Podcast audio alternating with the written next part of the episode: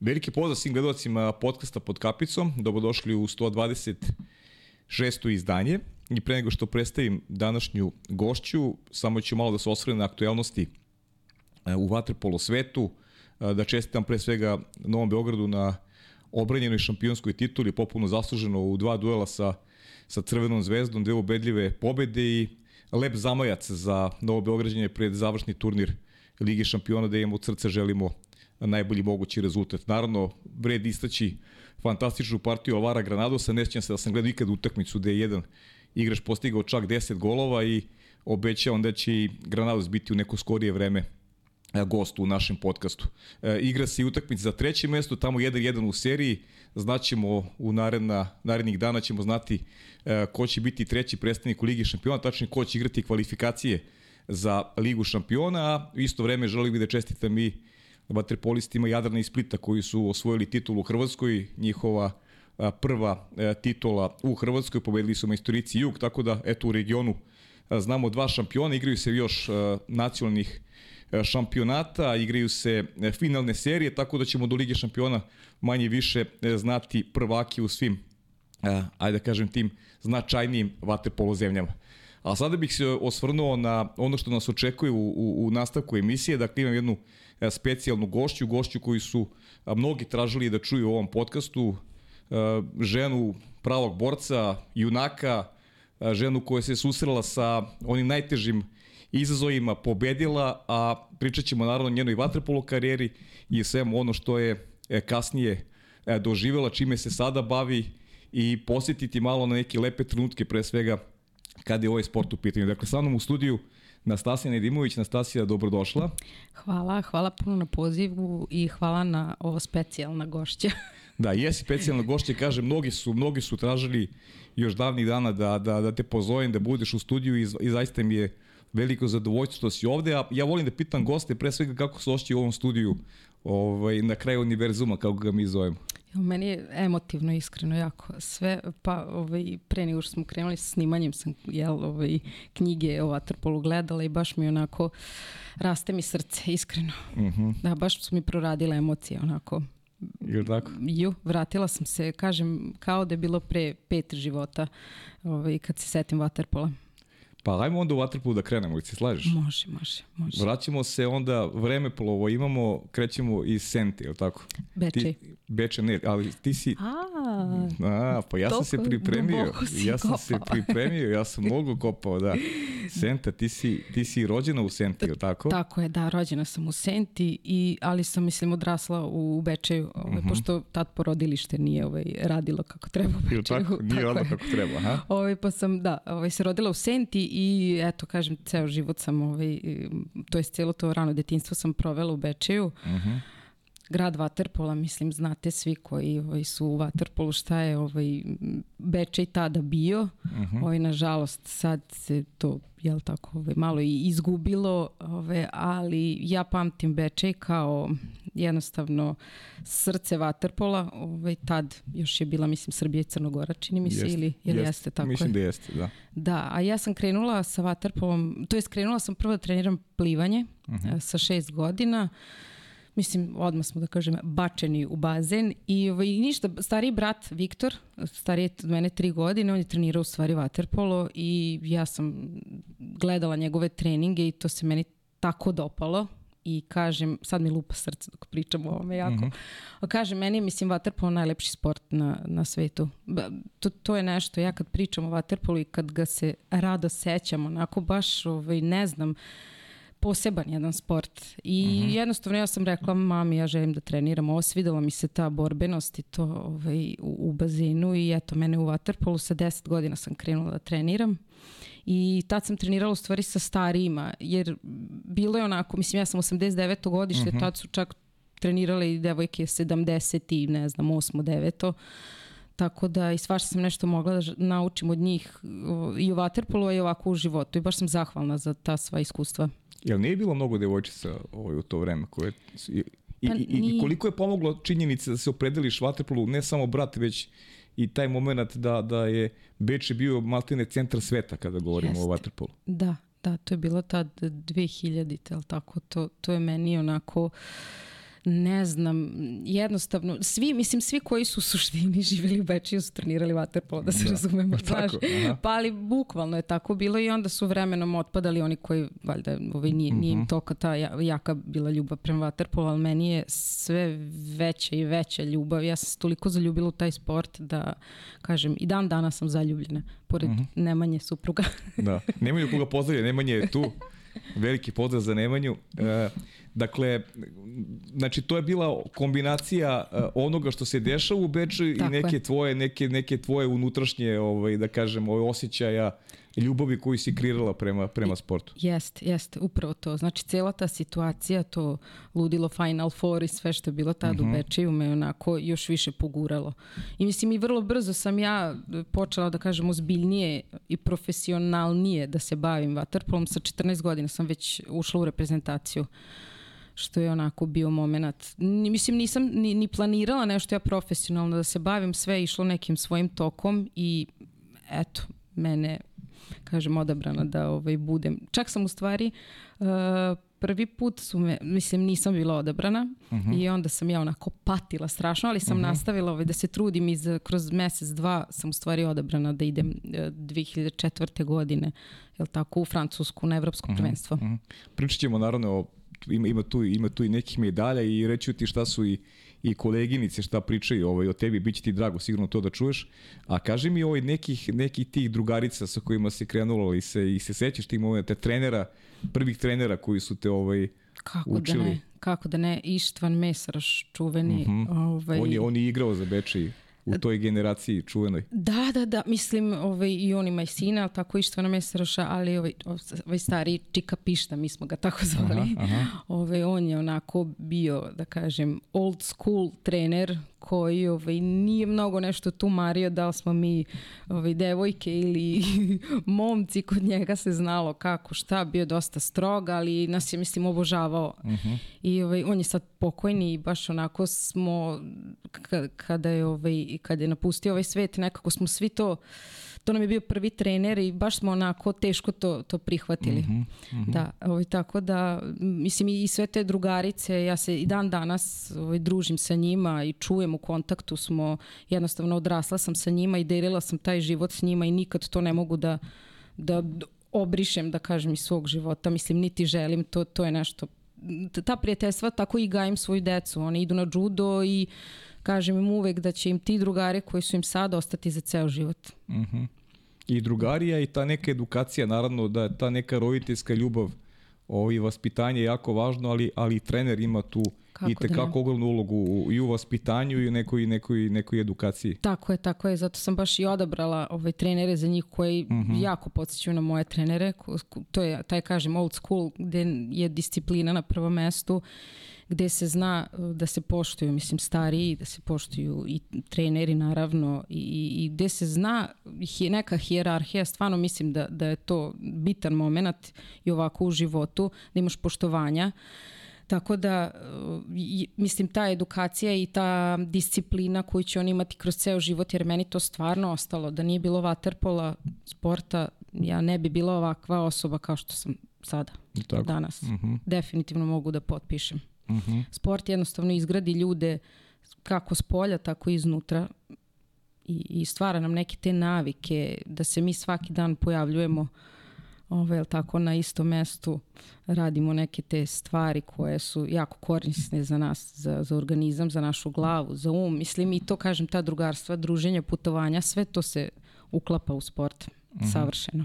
E, mora kažem da sam ovaj, onako često ovaj, posjećivao uh, tvoj Bečej i, i, i mogu da kažem da ga volim baš uh, i mogu da zamislim samo u tom periodu, recimo nisam toliko često dolazio u tom periodu kada je Bečej stvarno bio onako, ne samo vaterpolo centar, nego da. tako mali grada tako uh, i ženska košarka, ne znam, futbol u prvoj ligi, e, Kako ti pamtiš generalno, to je stvarno onako, onako, onako jednom malom, lepo skockanom, tako volim da kažem, gradiću, ovaj mnogo sportista i ljudi koji su imali onako prilike da taj neki, ajde da kažem, društveni život ovaj baziraju na, na, na, na nekoj ljubavi prema, prema svima vama koji ovaj, pronosite slavu grada. Da, jako. Uh, grad pun kvalitetnih ljudi uh mhm. -huh. i stvarno je bio centar onako ovaj, sveta što ti kažeš. Ja ga pamtim, mislim ne kažem sad ajde promenilo se sve to i sad kad odem baš sam skoro bila sa decom i onda sam im pričala priče ovde smo uh mhm. -huh. ovo radili, ovde smo ono radili. I, ali bude mi jako, jako krivo što jednostavno tako nešto da kažem na neki način mislim propalo što više toga nema, taj sportski centar baš je onako moćan bio i, i pazi da tako mali grad ima uh, olimpijski bazen napolju, unutra, mislim i još plus što ti kažeš ostale sale, jel tako, mislim mm -hmm. za, mhm. za razne sportove, baš ga pamtim onako kao je jedan jak, jak grad i kažem pun, a to volim da naglasim, pun kvalitetnih ljudi, sportista. Mm -hmm. Ovaj, tako da, da mi ostaje onako, i kažem, uvek, uvek mi bude krivo što, se, što je to sve propalo, ali da kažem, trude se ljudi, mislim, dosta toga se promenilo tamo, jel tako, svega ima, politika, ovo, ono, da, ali dobro, nadam klasik. se da će, da, da, da, ali nadam se da će to, da će i Bečej da, da vrati svoju staru slavu. Uh -huh. uh, prvenstvo i kup si osvojila, ako su moje informacije dobre sa, sa Bečem, to je sad već ulazimo onako u, u prvi tim, sam upravo ili? Pa da, da, da, da, mislim, bilo je ono tad svega, ajde da kažemo, nije, ovaj, tad nije bilo ni toliko klubova, nažalost, uh mhm. -huh. ovaj, u, u Srbiji, Crnoj Gori, jel uh -huh. tako mhm. da, A, I onda su krenuli da se pojavljaju klubovi u Beogradu, jel tako, i to sve krenulo da se razvije i onda mi onako koliko god kao plaši se konkurencije, mm -hmm. ove, jel tako, ali opet s druge strane ti drago da imaš protiv koga da igraš i da sve to kao se razvije i raste. Mm -hmm. Da, to su neki ovaj, počeci u Bečiju i momenti. da. A kako pamtiš, ajde, mislim, verovatno je taj neko, neko prvo sportsko, to zadovoljstvo si dobila kroz, kroz te trofeje i možda neki input, neki input da, da, da vaterpolo možeš da, ne znam, dosegneš i neke, neke visine koje možda nisi naslučivala kao, kao dete kada si počela? Pa nisam, nisam, ovaj, počele su, znači, tako te kao medalje, da kažemo, ovaj, meni onako ra, raste srce i ja, kažem, upadam u reprezentaciju s 14 godina i onda sve više te to nekako mami. Ovaj, dobijam, imam čak kući jedan pehar, trofej uh mhm. -huh. Beograda smo osvojili, pošto sam bila, to su bile juniorke u pitanju, ja sam bila kapiten pa sam ga prisvojila. Aha.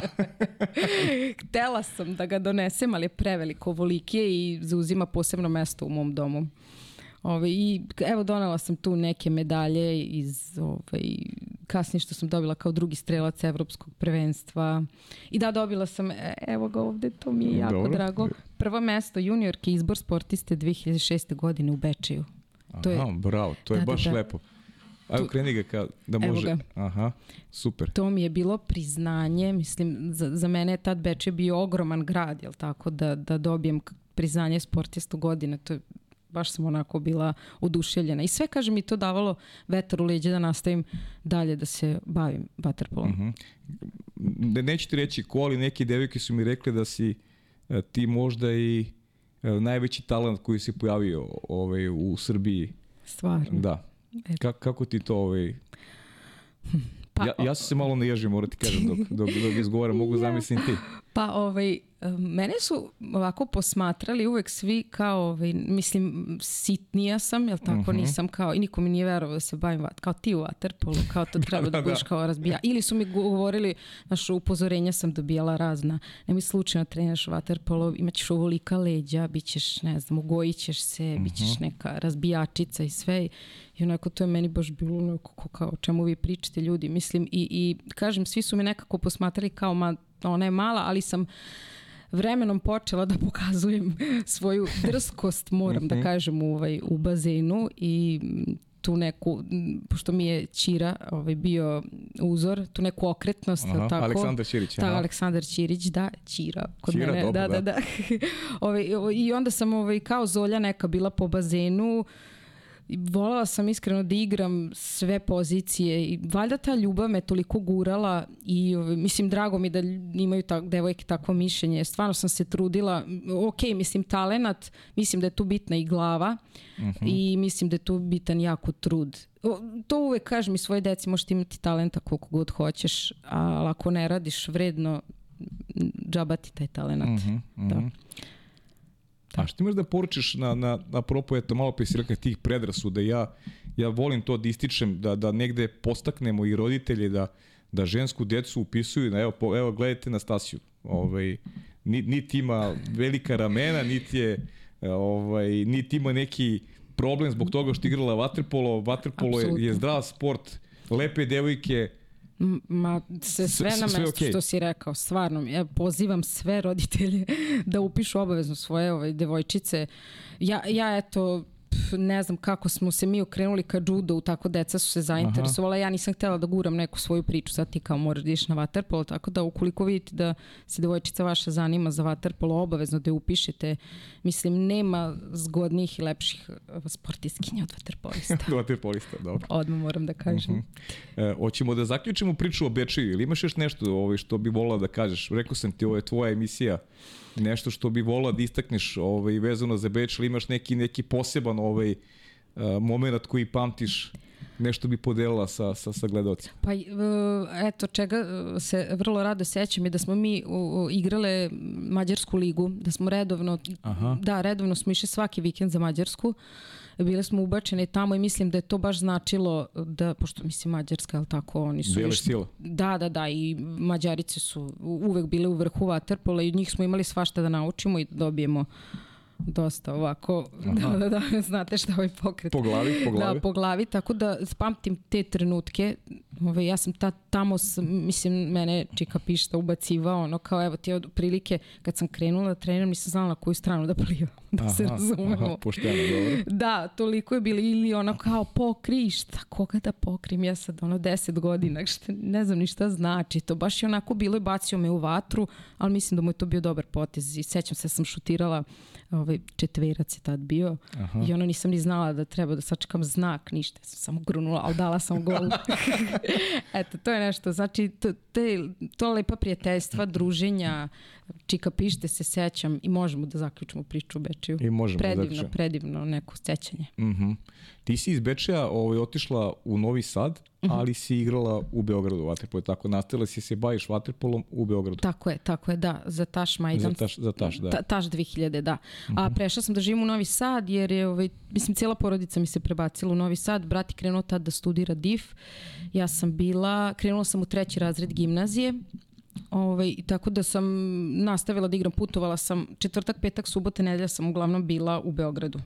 Mhm. -huh. Znači većinu nedelje da kažem. I to sam gledala kao neki korak napred, je tako, da ću moći još više da napredujem, neko se zainteresovao uh -huh, za mene, uh -huh, uh -huh. da ću moći dalje da se razvijam, pa smo igrali uh, Len Cup. Europu, da, Len da, da, da, da, da. I, ovaj, mislim da, da je to bio sjajan potez i, i, i eto upoznala sam i Beograd, nove sa igračice, nove prijatelje i baš ovaj, sam zadovoljna što sam se odlučila za takav korak, mada je bilo onako tad u jednom momentu, ja kao Bečić će se naljutiti. Mislim, dete sam bila tada, ovaj, da, da, da. ali sve na kraju bilo Koliko si imala godina tada kada si iz Novog Sada dolazila? Uh, ti si imala tad koliko? 16, 16 godina. 16 godina. 16 godina. Da, da. I kako su ti izgledali ti dueli u Len Kupu? Pričala si mi malo pri i ti treninzi, utakmice sa, sa mađarskim ekipama koji ja sam vele sile i mislio sam na ženski vaterpolo. Da, da. Mađarice da. su u vrhu svetskog vaterpola. Gde si sebe videla u odnosu na, na te najbolje? I da li si tada sa 16 godina rekla sebi da ja ću profesionalno se bavim vaterpolom, ja, ja mogu da napredujem i da živim od vaterpola? I si imala ta, tada to u glavi? Uh, Imala sam, imala sam da, ali a kako sam ja gledala sebe naspram njih, jel sam tako to, je, pa da, da. ja imam, ne znam, tako sam valjda vaspitana, dosta visoko mišljenje o sebi u smislu ne da sam nadmena, nego da imam jako super. veliko samopouzdanje, uh -huh, naročito u sportu i, i, i, i uvek sam tako pristupala, kažem tako i sad svoju decu vaspitam. Nema sad to kao ne veće od tebe, uh, mišićavija ili ne znam, izgleda opasno, mm -hmm, gledate mm -hmm. opasno. Mislim, mi smo svi jednaki u vodi, ja sam se da. tako, ovaj, mm -hmm. što jeste istina. Jer yes. znam ono neke igračice koje su mnogo manje, sitnije od mene bile, koje su, mislim, haos pravile u bazenu. Jednostavno, kad uđeš u vodu, nema mm -hmm. tu mhm. sad kao ti imaš više kila od mene. Svašta tu može da se nadoknadi ta kilaža i ti aha, mišići. Aha. Tako da sam, kažem, ovaj, bez straha nekog igrala. Jednostavno volela sam taj ono, duel jedan na jedan. A šta si mi još pitao?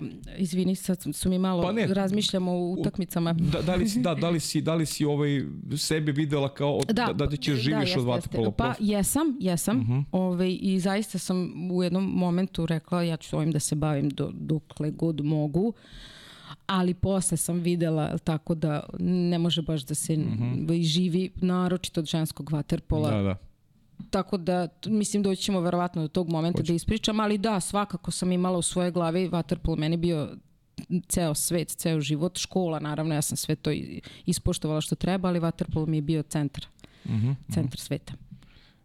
Šta misliš neko tvoje mišljenje, ja sad malo ja skačem s teme na temu, zašto ženski vaterpolo u Srbiji ovaj, nije stekao tu vrstu slave kao muški, jer imali smo sve preduslove.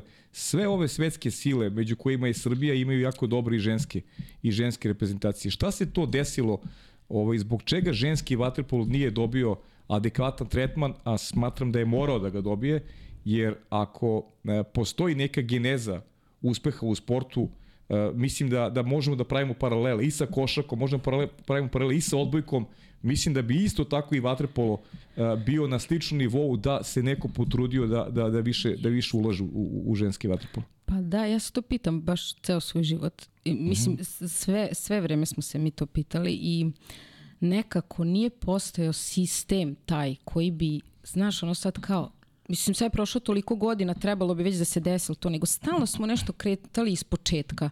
Mm -hmm. Stalno je bio novi selektor za svako evropsko, mislim, godišnje otprilike smo nekad menjali selektore, sad ajde da ne grešim dušu, ove, ali i stalno novi sistem, novo, idemo, pravimo bazu i svaki put nešto krećemo iz početka i mi se taman ponadamo, je sad će to da znači krenemo, ajde da zainteresujemo ljude na sve moguće, znači to je s decu, devojčice da dolaze da treniraju, ne znam, ne znam uopšte uh, zašto se nije ulagalo, jer je evo prošlo, mislim, od kad sam ja prestala treniram koliko, 13 godina, da. 13. I stvarno je do sad moglo da se napravi nešto. Ovaj, mislim, ne kažem da nije sad ima onako, da li se više ulaže ili ima više klubova, ali nekako, nik, nikako se zavrti taj točak.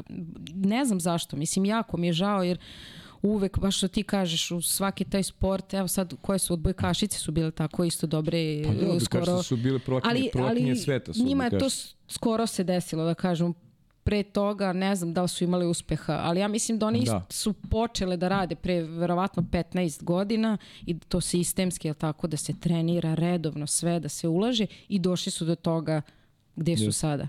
I, I uvek mi je to, to mi je onako rak rana, što kažu ljudi, baš pila uvek, što, što se jednostavno, što se ne ulaže u to, mm -hmm. ne znam. Uh, reprezentacija, Nastasija, ti si ovaj, bila kapiten te juniorske reprezentacije 89. godište za koga kažu da je bilo baš jako talentovana generacija, pa ajde malo tim nekim represivnim danima dobila si veliku, eto veliku i čast da budeš ovaj kapiten reprezentacije, pa ajde, Mikrofon je tvoj. Ja, jeste. Meni je to bilo onako kad, ovaj, su me, kad me trener odabrao, onako baš, to je, sad ću reći, bio, mislim, Aleksandar Krstonošić, Mm -hmm. Jeste, jeste. Da, on me odabrao i onako, mislim, ogromna čast i baš sam, ja sam to sve smatrala da je velika odgovornost moja i baš sam onako tu ulogu prihvatila nekako, ne znam, kao da budem njihova neka starija sestra, iako smo svi tu bili, mislim, godina, gde, gde sam ja stvarno se trudila uvek da pričam sa njima. Uh, ovaj, o, o Waterpolu i da predstavim njima kak, šta ja gajim prema Waterpolu, koji ja odnosi imam i mm -hmm. ne znam, imam, imala sam taj psihološki moment i to mi čak i ovaj, neke te drugarice i pišu sad kao, e uvek si ti bila ovaj, kaže, nešto tu nama davala savete, ovo, ono, i baš mi je bilo ovaj, drago kad, da, da se seća mene takve, mm -hmm. to mi je druga, sa igračica golmanka iz Bečeja I ovaj, ja stvarno sam se trudila da nekako njima to sve, ovaj, da, da budemo tim stvarno. I obožavala sam što sam kapiten jer uvek sam imala taj neki osjećaj da mogu da budem vođa na neki način. Neki ja mislim da lidersku ulogu. Lidersku ulogu, da, ali mislim da mi je onako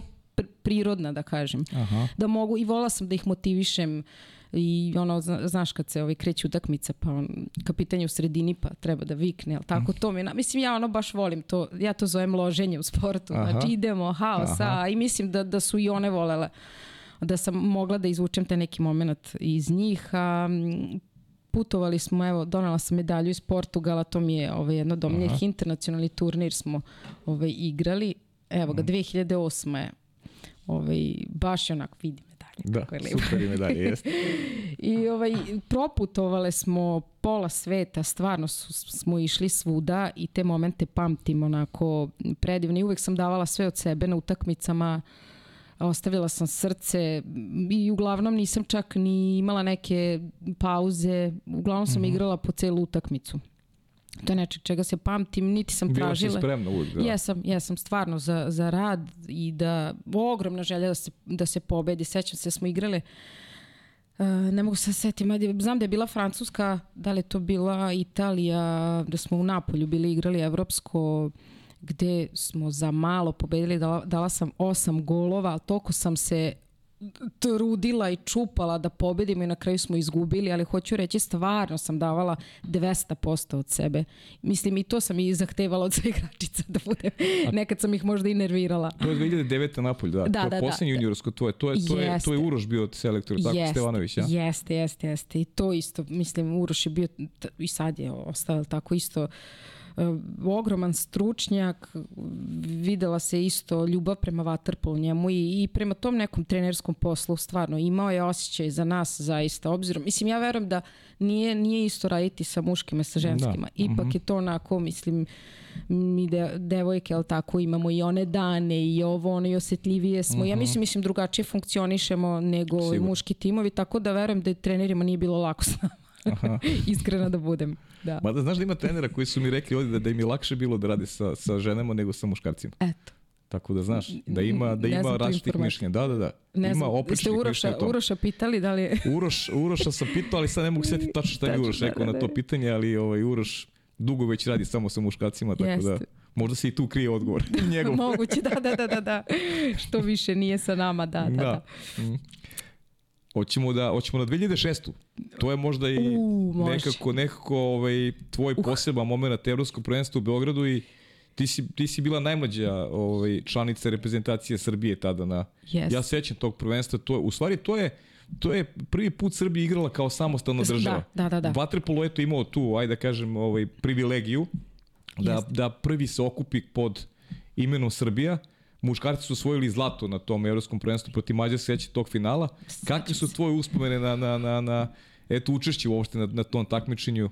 Ma fenomenalno, mislim, baš zato što je kod nas u Srbiji onako i baš zato što su tu bili i muškarci, jel tako, znači oni, sve bilo organizovano u isto vreme, pa ono bilo je wow, gde god da odem, da se okrenem, da vidim sve te poznate vaterpoliste, naravno manje su bile poznate žene i onako, mislim, naši ono neki uzori, baš je bilo uf, i emotivno i meni, mislim imala sam ogromnu tremu, sećam se da je ovaj, mislim, je li to ko, ko nas je tad vodio, sad ne mogu da se setim, joj bože, to ko, eto koliko 2006. smo... Da, ne, da, da li je il, il Aca bio? Nije, Nije, nije, bio Aca bio, nije Aca bio. Sad setit ću se verovatno. Uglavnom, ovaj, da, pruža nam je prilika da uđem da igram. Ja sam stvarno mislila da neću možda čak ni zaigrati. Ove, ali eto, isto bačena u vatru i sećam se da mi, da nisam, da sam bila van sebe, mislim, totalno. Ono, srce je htelo da mi iskoči iz grudi. I sećam se dva gola koja ne znam kako sam postigla, na primjer isto. I meni se toliko nešto mantalo u glavi, valjda ta trema, baš zato što sam i najmlađa i najsitnija i sve, ali to srce, jel tako, je odigralo ogromnu ulogu. Ovaj, i, I kažemo, protiv Holandije su, su bila dva gola, jedina ta koje sam postigla i pa, mislim, pamtim ih, ali kažem, ne znam kako sam ih postigla. Eto, to je neki ovaj, taj moment. I onako, mislim, i videli, upoznali smo dosta drugih reprezentacija. Sećam se, mislim da je bio Kina. Ja sam se frapirala kolike su te žene, na primjer. To mi je onako bilo jako fascinantno. Kao, kao, igrali smo protiv njih, to su mašine, mašine bile. Ove, a mi smo onako, i sve nekako su, i Rusija isto, sve nekako su iste fizički, kao da su, mislim, koliko ih ima, razumeš, Kina, sve gde je su... bila Kina? Kina to je na univerzijadi onda vjerojatno Kina, a? Ja, ovo je evropsko, ja sam Ovo je evropsko, pomešala. da, pomešala. Kina je bila univerzijada, verovatno, jel tako? Da, gde sam ja Kinu na Da, evropsku da, da, stavila. na evropski stavila Kinu. Oprostit Nema ćete mi veze, svi. a to imam posle, da. Ovaj, da, da, da. E, vidiš. Ovaj, Da, ali moram da kažem da su kineskinje bile stvarno strašne. Da. Ovaj, Kako kažem, si gledala kineskinje ono kao... Pa ne znam ja otkud tolike kineskinje, mislim, to mi je onako bio baš šok. Ajde kao holandžanke, ali ove su mi bile... Kineskinje, ne znam da si videla nekad žensku šaku šeptaciju Kine. Nisam sve sreće. Pa to ne možeš ne možeš da ih vidiš lice, moraš na merdine se popiti. Stvar. Pa da. Eto, to, to su tako bili neki momenti, ali očigledno sam pomešala ovaj prvenstvo. Da, da, da, da. da.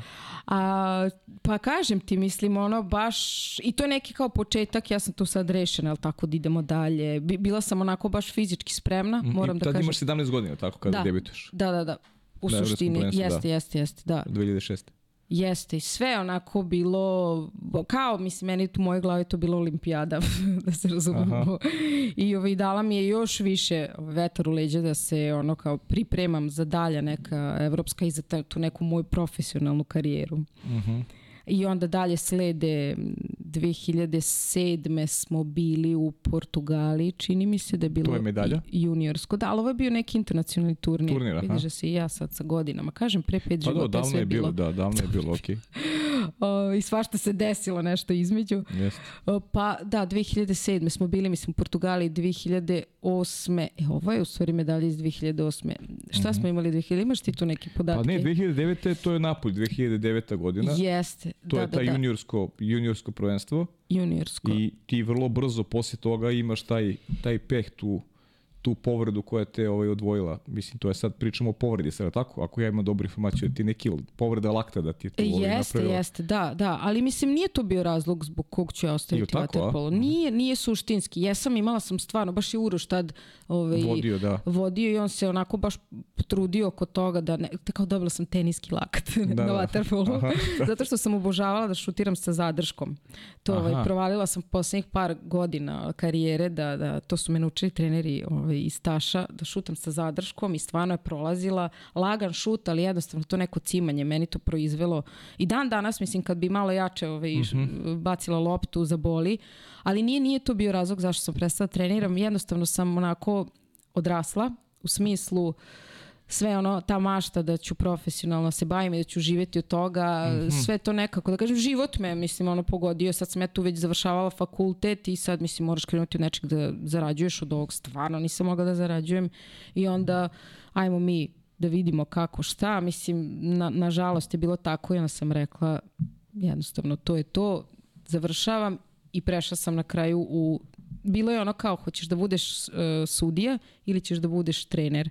Ja sam želela da budem trener, ali jer volim taj neki tako kontakt i stvarno kažem i za lidera mislim da sam ono stvorena u tom nekom svetu. Ali pošto sam radila i prvu i drugu smenu, posao me omeo da, da svako večer se pojavljam na bazenu i da sam odlučila, jer sam imala ogromnu želju da ostanem u Waterpolu, da budem sudija.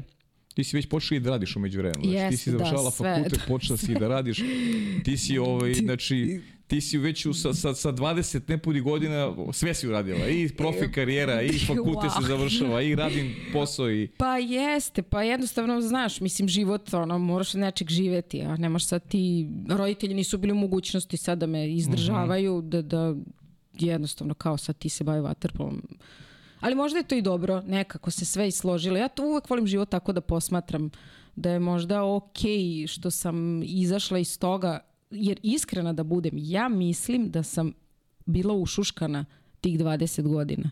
U smislu, mislim da me je vaterpolo nekako, znaš, ja sam bila previše u tome svemu, udaljena od ovog pravog života u smislu, znaš, imaš i obezbeđenu hranu i putovali smo i ovo i bravo. ono, znaš. I onda nekako osetila sam ja taj moment kad me je život onako puko šamara ili šta god. Stvarno sam osetila da je ono kao, ej, pa treba da se mm, pomučiš, da ne samo kao da treniraš da bi kao uzeo neki novac, nego čoveč, treba da radiš. Imaš neku odgovornost.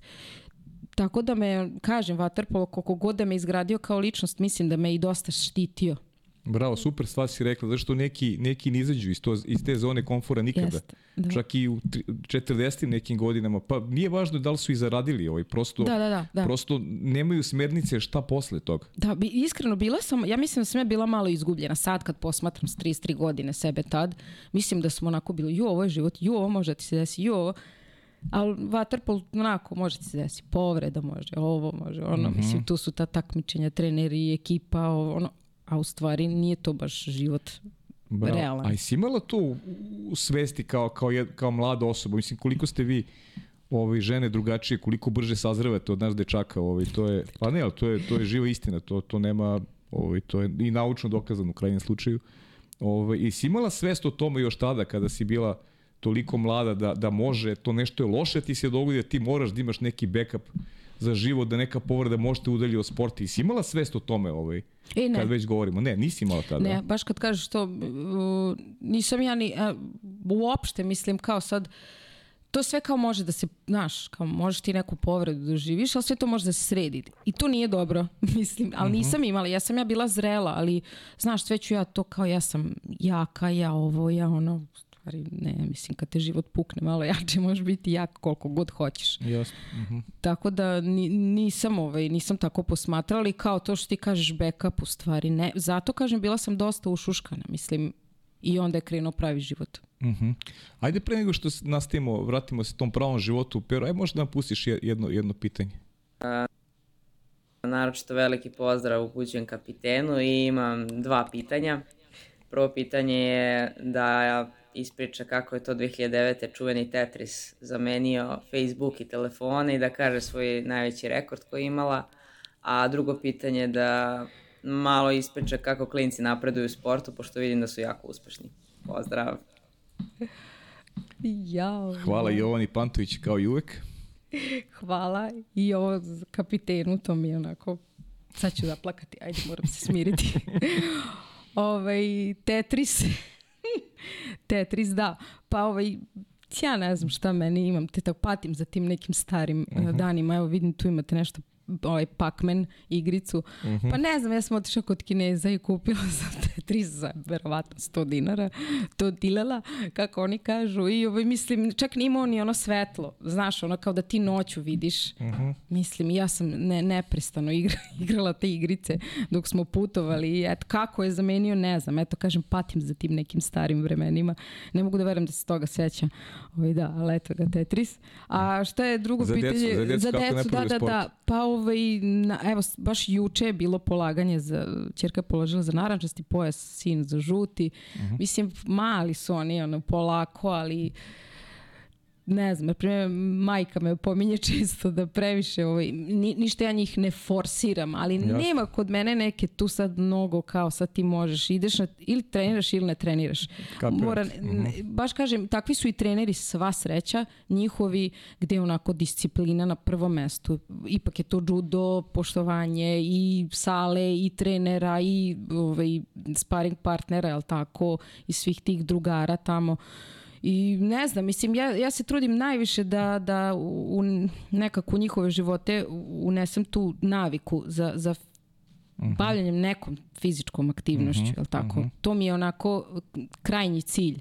Ali vidim, naročito kod čerke, kod nje sam probudila, pošto ona bila onako baš dobrica, dobrica, dete sa svima sve deli, ovo ono, vidim da sam probudila sad kod nje ovaj, to, uh -huh. to ono moje ratoborno i baš ona, na primjer, evo već sada, ja nisam tako razmišljala kad sam bila mala, ona već na olimpijadi, znači I gotovo, ona je već bravo. zacrtala sebi i ide uvek na zlato, sve, ono, sviđa mi se Vuk, on ima šest godina, on je onako u fazonu, može i ne mora, znaš, ali što ti kažeš, dečaci malo kasnije će da sazre, tako da kad ovaj, oseti neku tu svoju moć i fizičku i psihičku i na, mhm. naspram ostalih, naspram protivnika, izgradit će se ovaj, on dalje sigurno u neku, neku sportistu, mada mogu da ti kažem da uh, jako se zainteresovao za košarku koja je kod nas Aha. onako u kući i vaterpola, mislim da je to zbog mene. Biću pa ili dobro, vaterpolista je... ili košarkaš. Pa dobro, tata voli košarku, to sam uspeo da- jeste, da, da, ovaj, da spoznam jeste. kroz priču, tako da... Ovaj, da, da, da, da. Tu su će, neki da. naši, da, ovaj, pričamo im, kažem, u sportu, i trudimo se da to bude onako neki centar naših života, jer stvarno mislim da sport spaja ljude. Definitivno, definitivno. A ajde da te vratim malo sad na, na to suđenje, taj period ove karijere sudijske karijere. Kako ti je, kako ti se to, rekla si da si tela pre da budeš trener, da. ušla si u te sudijske vode, pa e, ajde neka iskustva Ušla sam, da, pa za, znači cilj je bio da ostanem u Waterpolu. Uh mhm. -huh. Nisam nikad nešto razmišljat ću biti sudija, trudila sam se ono maksimalno, jel, kako bi ja drugačije, da ispolažem sve te, da dobijem licencu I bilo je onako, mogu ti reći, ja sam bila prvi tad, sad mislim da ima još ženskih sudija, ali ovaj, prvi sudija, ženski, mlada, svi onako, ovaj, znaš, sad tu imaju neke, mislim, znaju me kao igrača, sva sreća sam tu ovaj, imala neku, da kažem, taj kredibilitet mm -hmm. ili kako god da to nazovem, ok, ali mnogi nisu znali za mene, pa je tu bilo ono, znaš, šta ona zna, žensko i tako te neke varijante, iako možda više sam se razumela taj sport imala osjećaj od njih, ali ajde nebitno, uglavnom, bilo je jako stresno, iskreno da budem. Od taj mm -hmm. početak onako uf, moram priznati, baš, baš, baš stresni momenti, baš zbog tog njihovog odnosa. Iako ja nikad, nikad nisam pokazivala njima da sam se ja uplašila ove, jel tako, mislim, mm -hmm. od mhm. njihovih nekih pretnji, reakcije, od reakcije pretnji, da. i tako mm -hmm. dalje. Nikad nisam, i uvek sam imala autoritet njime, mislim, uopšte zanimalo nešto sad da oni, ne postoji način da se meni promeni mišljenje, naravno, ako sam u pravu, mislim. Da, da, da. Okay. Znaš, ovaj, da sad kao oni me, ma kakvi. Jednostavno sam se držala toga i to je to neki i stvarala sam ja mislim onako vremenom autoritet rekli su mi da imam osjećaj za suđenje i, i na primjer eto tad sam isto imala želju da, da odem na neka evropska, da stvarno sam onako mm -hmm. sebe gledala u tome, završila da sam menadžment za sport i mm -hmm. turizam i da onako rekao, ajde sad ću ja, ako nisam mogla da nastavim igračku karijeru kao sudija, znači ti to može da i posao, tako da zaradiš, mm -hmm. tako da sam stvarno tu planirala i to je sve krenulo onako odlično, nekoliko godina sam sudila i kasnije kad sam zatrudnela, znači apsolutno nisam ovaj, sa stoma, da, da, da, mhm. nisam prekidala. Uh, dok me opet život nije. da, dok je život nije ranio. Da. da a, a da. kaži mi ovaj te momente, da, da, li si, da li si očekivala kada si počinila karijeru sudije da, da će biti tih momenta u kojima ćeš da dobijaš i pretnje i da li si očekivala da može, ne znam, muškarac od, od 2 metra, od 150 kg da, da, ne znam, jednu, jednu sitnu ženu da, da možda je vređe, da preti, da ne znam. Pa nisam očekivala, mislim da ni, nisam ni trebala da očekujem, jer stvarno smatram, tu uvek govorim Nemanji, da je vaterpolo nekako poseban sport gde sudije, na primjer kad gledam futbal i ja kažem čekaj, ju kao kako se ovaj unosi sudiji u lice i psuje ga, mislim vidiš na televiziji, stvarno onako su agresivni, a u Waterpolu to nikad nije bilo, jednostavno ono, sudije u belom, bar su nas tako učili, ogromno poštovanje prema sudiji, nema što, i, i, a da ne pričamo o onim nekim nesportskim potezima među igračima, Mm -hmm. Jel tako? I ne, ne znam, bio je taj neki, ono kao stvarno poštujemo sudiju nisam, nisam očekivala, ali bilo je svega momenata kada ovaj, desi eto neka tako situacija gde oni procene da ja nešto nisam dobro dosudila i njihova, ne znam, sujeta, nemam pojma sa zato što sam ja žensko, imam moć veću od njih mm -hmm, i onda mm -hmm. sam stvarno onako u jednom momentu je momak krenuo da izlazi napolje kao on će mene da bije i tako te neke varijante. Ali mislim, ja kažem, ja ni tad nisam pokazala strah, iako jesam osjećala u tom momentu, Naravno. ali sam se držala ono hladne glavi i rekao sam da se neće nastaviti utakmica dok se ne reši ta situacija. Uh mhm. -huh. I imala sam ja podršku od, od kolege sudije, ali opet mislim ne, ne bude ti nikako sve lako. Jedno, da. da, sve jedno i kažem to se posle na neko sud smo išli i tako dalje se to razvijela situacija. Ali valjda ima, mislim, ima na svakakvih u, u, u svakom sportu, ali stvarno nisam to očekivala od vaterpolista. Da, da, da, jasno. Da. Ajde, sad ćemo da pređemo na tu, na tu ovaj, težu stranu priče. Pre toga, ajde, ako može, Peru, još jedno video pitanje. Rani pozdrav za, za sve u studiju. Ja bih vam oduzela malo vremena, jer evo kad već imam priliku, želim javno da kažem da je Staša iz, od jednog šašavog večita nasmenog dovečurka izrasla u jednu snažnu a, ženu koja može biti, zapravo ne može biti, nego jeste pravi primjer i uzor prvenstveno svoje deci, pa onda svima nama.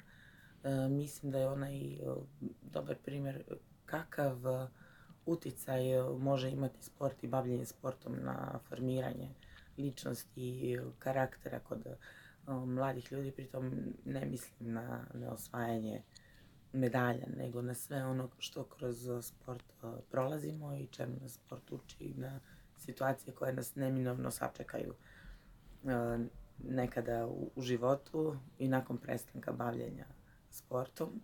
Želim da ti kažem da sam izuzetno ponosna na, na tebe, na sve što radiš, na sve što prolaziš, na ono što si postala i da te pitam da li ima nešto što te niko nije pitao, a da želiš da kažeš, da želiš da ispričaš, podeliš, da na nešto ukažeš. Eto, to je to. Poljubac veliki. Jako emotivno sad. Da. Vidim. Da, da, da. Ovaj, to je ono ušuškavanje o kom sam pričala. Mm -hmm. Kad te život, ovaj, da kažem, puknete po glavi. I to je, to je za, zašto ja u stvari toliko forsiram taj sport, jer kažem da nije bilo vaterpola, da nije bilo svega što sam prošla u vaterpolu, svake utakmice, svakog treninga, ono, onog nekog mučenja, znaće svi o čemu govorim, ovaj, ne bi, ne bih izdržala ovu svoju životnu utok, utakmicu koju ja volim mm -hmm. da nazovem, ne bih izdržala sigurno. I mislim hvala Ivani na ovim rečima, onako, obzirom da je ona starija od mene i što kaže, ona je onako bila starija sestra, uh, uvek i sve bilo onako šašavo i ludo jeste, ali evo sad smo svi odrasli i, i, ovaj, stvarno život zna da nas pogodi na ovaj ili onaj način, a drago mi je da, da, da, da sam uzor na taj neki način šta u stvari sport može, ovaj, mm -hmm. koliko može ti pomogne u životu i koliko znači sport. Uh, to, mislim, ne znam, hoćemo sad započeti tu hoćemo, priču hoćemo ili... i baš možemo, da, zato sam... Povezano je skroz. Povezano je sve, da, i, i to je tad sad taj, to je taj život koji da. ti se okrenuo na glavačke, bukvalno. Jeste, pa uh, ja sam u drugoj trudnoći, mm -hmm. ovaj, ja sam i dalje tu sudila utakmice, znači bila ovaj, prisutna, ali u, u jednom momentu, iako sam ja imala redovne kontrole, uh, jel tako, mislim, sportista ceo život, nikad ja ne bi ni posumnjala, to je ono naše nedodirljivo, ti si mm -hmm. sportista, nedodirljiv, dobro imati takvo mišljenje, ali ovaj, m, treba malo ispustiti ovaj, sebe na, na zemlju. Korisno je za sport, ali ovako baš za život i ne. Pa uh, počelo je stanje da mi se pogoršava fizički u smislu uh, gubila sam snagu, jednostavno u nekim momentima nisam ni znala da, da li sam budna ili ili spavam, mm -hmm. i, mhm. mislim u popodnevnim satima, ujutro nešto, jer sam bila jako anemična. E, poč, javljaju mi se bolovi u leđima, ogromni spazmi, u išija su jednoj nozi, u drugoj nozi. Mislim, kažem, bila sam do tada ona potpuno skroz zdrava osoba i odjednom krenu tako neki momenti da se dešavaju gde ono ja kao, ali eto to je taj sport, ono kao ma proći će sigurno, mm. izdržat ću ja to, boli, ali ajde kao izdržat ću do kraja trudnoće. Mi tu, znači, idemo redovno, kažem, to jest ja idem redovno na kontrole, ali meni stanje sve gore i gore, dobijam neku pogrešnu diagnozu, e, neku hemolitičku stečenu e, anemiju, dobijam lekiće i kao izdržat ćemo do kraja te meni opet sve gore i gore i ja ostajem nepokretna. Znači, kažem, eto, od ovog svega što smo pričali i silni treninzi, silne utakmice, sve smo izdržali, sve, sve, sve i ti sad kao ne možeš da hodaš. To je onako baš bilo poražavajuće u smislu, ne da je mene kao nešto bilo sramota, nego ček, mislim, hoću da hodam, razumeš mm -hmm. me? I ovaj, ništa sad tu, da, da ne zalazim mnogo, mnogo u detalje, ja sam ovaj, otišla u bolnicu, to jest preneli su me u bolnicu, pot, ono, potpuno nepokretno, mogla sam da ono, pomeram ruke i noge.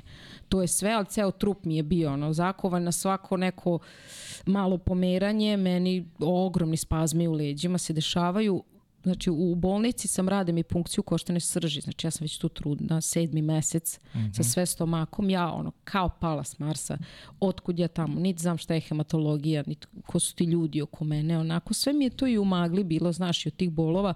I ispostavi se dijagnoza. Rak koštane srži, multipli mijelom, ali ja tad u tom momentu nemam pojma ništa, jer je porodica i lekari su se složili s tim da mi ne kažu, da, ti ne kažu ništa. da mi ne kažu uh mhm. -huh. ništa jer sam hitno trebala da ovaj, odem na porađaj. Uh mhm. -huh. Urađen mi carski rez, uh, Vuk je rođen, sva sreća. Ono, dva meseca ranije, zdrav, ali opet dva meseca ranije. Mi, nas tu odmah razdvajaju, on ide u dečju bolnicu, ja ovaj, ostajem u, u, na porodilištu i treba da se oporavim, ali mi je znatno, ono oporavak mi je još, mislim, još gore mi je bilo. Dobila sam prelome na grudnoj kosti, na rebrima, na pršljenovima, znači ono, atrofirali skroz mišići. Mm -hmm. Apsolutno sam nestala, ja ona, kako me svi znaju, apsolutno nestala. A moram sad, na, nastavit ću, nego se sećam momenta kada, sam, kada su se organizovale pomoć za mene, da sam u Bečej se vratila i sećam se pogleda ljudi, ovaj, mislim njihovih izraz lica kad su mene videli bez sa ovoliko kose. Bez kose. Uh. -huh. Totalno kriva, uh, siv ten, apsolutno, ni, ni, ne, jednostavno me ne pamte ljudi tako, oni su bili u šoku, mislim što ja njima ni, nisam nikako za, ono kao da im zamerim ili nešto, ne, ali, ovaj, ali su onako te, to me još dodatno mi dalo vetru leđa da se borim kad se skupili su se ljudi iz celog sveta vaterpola mm -hmm. i ono toliko su mi dali snagu da je to nešto ne, nerealno. E, apsolutno svi, znači svi klubovi, reprezentacija muška, ženska, treneri, nema ko, ko mi nije ono kao rekao. To su ti ljudi kvalitetni kojima ja pričam. To je sport. I to je sport. I to je sport i želim ovim putem da se zahvalim svima. Mm -hmm. uh, udužit ću vam se na ovaj ili onaj način sigurno. Uh, uglavnom stala sam do toga da, jel tako sam se ja sad je tu bilo vreme da primam hemoterapije, da učim ponovo da hodam i eto nam opet treninzi, jel tako? Treninzi A moment kad si saznala? O da, izvinjam se, preskočim si... bitan moment. Ovaj, pa Nemanja i brat su mi rekli. I Viktor. Kao, da, da, mm -hmm. brat Viktor, uh, u šok sobi sam tad bila. Mm -hmm. Znači, ja mislim, taj dan kad sam se porodila, uh, šta je u pitanju. Viktor je bio van sebe, van sebe što meni baš nije ovaj, pomoglo, iskreno mm -hmm. da budem.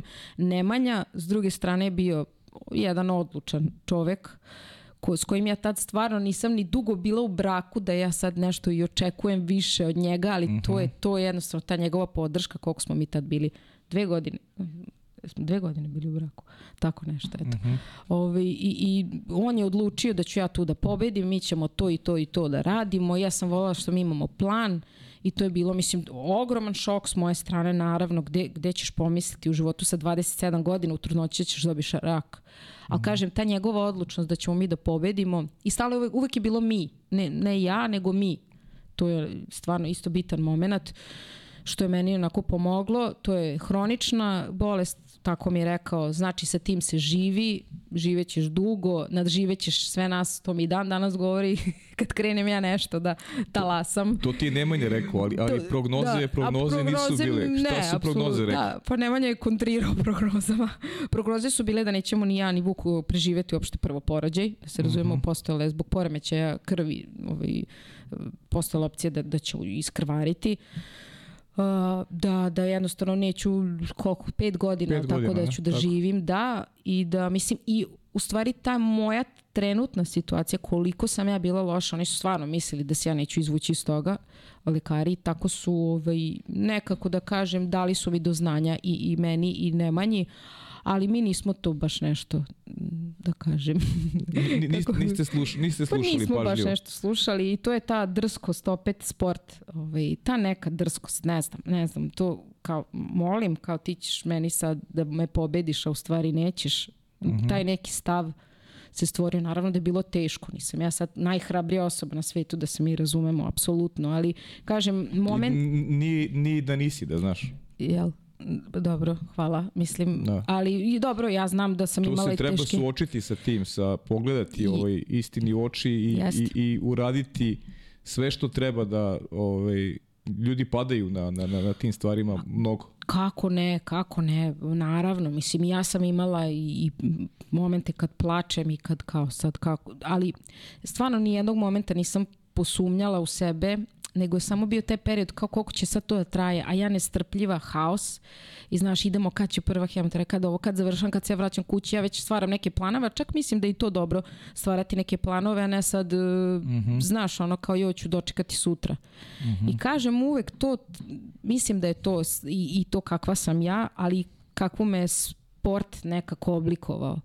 Taj moment neodustajanja, taj moment uh, nekog inata tog našeg, jel tako, da ne, nema šanse da ćeš ti mene da pobediš, nego ću ja tebe da pobedim. Mm -hmm. I kažem, ovaj, postojali su momenti, eto, trening u moje glavi, trening, kad kažem trening, ja sam tad, znači, dalje bila nepokretna. Uh, primala sam hemoterapiju, ali sam ja znala da ja ukoliko ne pomeram svoje noge i ruke koje su se jedine pomerale da neće to biti dobro, mislim da će oporavak biti haos težak što jeste bio. Ne znam šta bi bilo da nisam vežbala. Mm -hmm. Sve vežbe koje mi je psi, o, psihoterapeut, te, fizioterapeut ovaj, dao sam, ispoštovala i trening ajde fizički taj deo, nego meni jednostavno trening dao neko moje utočište, moj beg iz te bolnice, negde sam ja otišla, mm -hmm. A da ne govorim o tome koliko sam ja razmišljala tad u vaterpolu. I da, da kada sam ono, znaš, ti sad imaš tamo previše vremena za razmišljanje i kada ti kreneš da razmišljaš o vaterpolu, tad onako, to su oni lepi osjećaj što smo mm -hmm, pričali na mm -hmm, početku i nešto što kažem da, da mi je jedan od najlepših perioda u životu jednostavno i da nisam imala to, ne znam čega, drago mi da sam to prošla nekako mm -hmm. i da sam mhm. upoznala sve te ljude i da je ceo taj život moj u, u znači u svetu vaterpola, kažem, što je postojao. I to baš onako, vrlo ra rado sam ga se sećala i jako mi je davao snagu. Mm -hmm. Jer sam se sećala sebe tada, što mm -hmm. mi je mhm. pomoglo, ako si mogla, ono, možeš i ovo. Mm -hmm. I mhm. tako mic po mic, korak po korak, ja učim ponovo da hodam. Mm -hmm. Što je, eto, i Nemanja ima isto ogromnu ulogu tu gde ja sam trpela non stop ogromne bolove, ali on je bio tu svaki dan u bolnici da uh, ja sam koristila onu hodalicu. Hodalicu, da, aha. Da, da, da. I mislim, i taj prvi moment kad su mene u stvari iz um, ležećeg položaja stavili da ja sedim, to je bio šok za moj organizam. Koliko mm -hmm. sam ja to želela, ali to je bilo baš onako jako teško. Ko bi rekao da sedenje može tako teško da, da. ti padne, ali pošto sam ja pre toga ležala, bila nepokretna nekoliko, uh, od uh, oktobar, novembar, decembar, januar, februar, pet meseci. Pet meseci ja nisam ljudi okupala. Mm -hmm. Evo da, još jedan bitan moment da kažem, nosila sam pelene. Mene mm -hmm. uopšte nije sramota da to kažem, ali hoću reći, evo, mislim, ovo uglavnom prati svet iz Waterpola. Sećam se kako sam ovaj, pre, jel tako, ko sam, šta sam bila, kako sam trenirala, a završila sam u pelenama. Pelena. I taj moment uopšte ne treba da, da, da se mi kao stidimo toga ako dođe Naravno. do toga. Ne, apsolutno. To je samo trenutno stanje u kom se ti nalaziš. I ja sam to tako gledala i ok, sad, sad nosim pelene, postoji drugačija mogućnost i eto, to je to. Sa 27 mm. godina, ma, ka, ma, idemo dalje. Mm -hmm. I ti momenti su stvarno ostajali iza mene i što sam više tako razmišljala, sve mi je bilo bolje i bolje. I kažem, ovaj, jednostavno krenula sam da, da sedim, pa i maštala sam u tom osjećaju. I hiljadu puta sam sanjala da igram utakmice. -hmm. Što je mhm. isto, ali to ti da energiju, ja ne znam, Bro. mislim, ono, mm -hmm. maštala sam kako mi noge dodiruju pod, ili tako, to sam i zamišljala i sanjala i taj moment se desio ko zna, možda ću jednom opet da odigram utakmicu, mm -hmm. ali eto taj moment prohodavanja se desio. I onda ja tu vežbam na hodnicima, vežbam, vežbam, mislim, učim da hodam, kao da nikad nisam hodala. Pet meseci se nisam kupala, na primjer isto. Znači jednostavno nije postala mogućnost da ja uđem u kadu. Uh, Znaš, ono kad ti nepokretan ležiš pa su me krpicama ovaj, prali. I eto, hoću reći, neko ko je bio profesionalni sportista, desi mu se ovako nešto, ali to nije kraj sveta. To je moja poenta priče, ovaj, kad stalno pričamo o ovome. Svašta može da nas pogodi, ali bitno je da mi nastavljamo, nastavljamo da se borimo. Da, ali bitni su i ti procesi u glavi, Nastasija. Ti si, ovaj, nisi sebe sažaljevala, nego si uh, živela te trenutke koji su bili uh, ovaj, koji su pratili eto i tu tvoju karijeru i razmišljali o tome kako da kako eventualno i da im se vratiš negde makar i kroz makar i kroz misao. Nisi utonula u tu neku depresiju koja bi te gurnula još dublje u da. u, u, u problem sa, sa i onako opakom bolešću koju si, koju si, ovaj, koju si imala u sebi. Pa jeste, te, mislim i teško je da, ovaj, da, da naravno da ne padneš, ali valjda i ti ljudi koji su me toliko podržali. Pa da, nema je, tu je da, sa nama pre svega tvoj divni da, suprug. Pa jeste. Negde sam pročitao da si rekla da si, da si gledajući sebe ovaj, videla si tu neku sivu boju i nemaš kosu, ali si videla da ima da nekada postoji neka lepota unutra koju, koju osjećaš i koja te, koja te ovaj, mnogo, mnogo lepo rečeno, to sam negde pročitao. Pa jest, možda nekim mojim tekstovima na mhm. Instagramu, uh -huh. jer mislim to je istina stvarno, hajde što sam ja videla lepotu u svoju unutrašnju. Odnosno, mislim, ja sam ceo život ovakva, jednostavno to, to, to sam ja, a spoljašnjost je ok, samo ono ekstra, mm -hmm. ali što je Nemanja video i dalje to mm -hmm. moje unutra i taj ono, mm -hmm. kako da kažem, sjaj u očima, jer mislim da su ono oči ogledalo duše stvarno. Mm -hmm. I jednostavno njega nije zanimalo ta moja fizička promena. Stalno je govorio, to će izgledaćeš bolje nego i pre, izgledaćeš bolje nego pre, to uopšte ne treba da te interesuje i stvarno ti to pomogne. Mislim sad, mm -hmm. Zamisli da nije bilo tog momenta, onda bi ja možda se osjećala, da, znaš, onako bez da, veze i jas, onako nemoćno skroz, i tako. Da.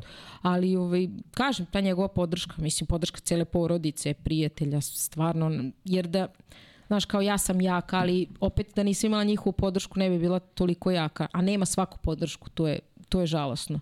I mnogi, mm. mnogi su i ostavljeni od strane svojih supružnika, da tako kažem. Da, nažalost. Uh, ovaj, Da, šta sam hteo još, sam, malo sam se ovaj, malo, malo sam se pogubio ja. Pa normalno da. si pogubio, da. svako se pogubi posle ove moje priče. Sigurno, da, ovaj, šta sam, da. E, koliko misliš, eto sad vraćamo se na tu priču ovaj, vezano za, kasnije si, kasnije si ispoznala ovaj, E, pobedivši, pobedivši opaku bolest, pričamo malo još o tome, stres, koliki je stres ukidač, pričali smo o tom, o tom i, i, i suđenju i tim situacijama koje si imala. Da li se danas ovaj, sa aspekta ili se tada u tom momentu možda kala što si neke odluke donosila, koliko je neki, koliko čoveku može neki stil življenja dovede do toga da, da ga možda eto i, i, i nagrize ovaj, neka, neka, ovaj, neka opaka bolest kao što se desilo i u tvom slučaju?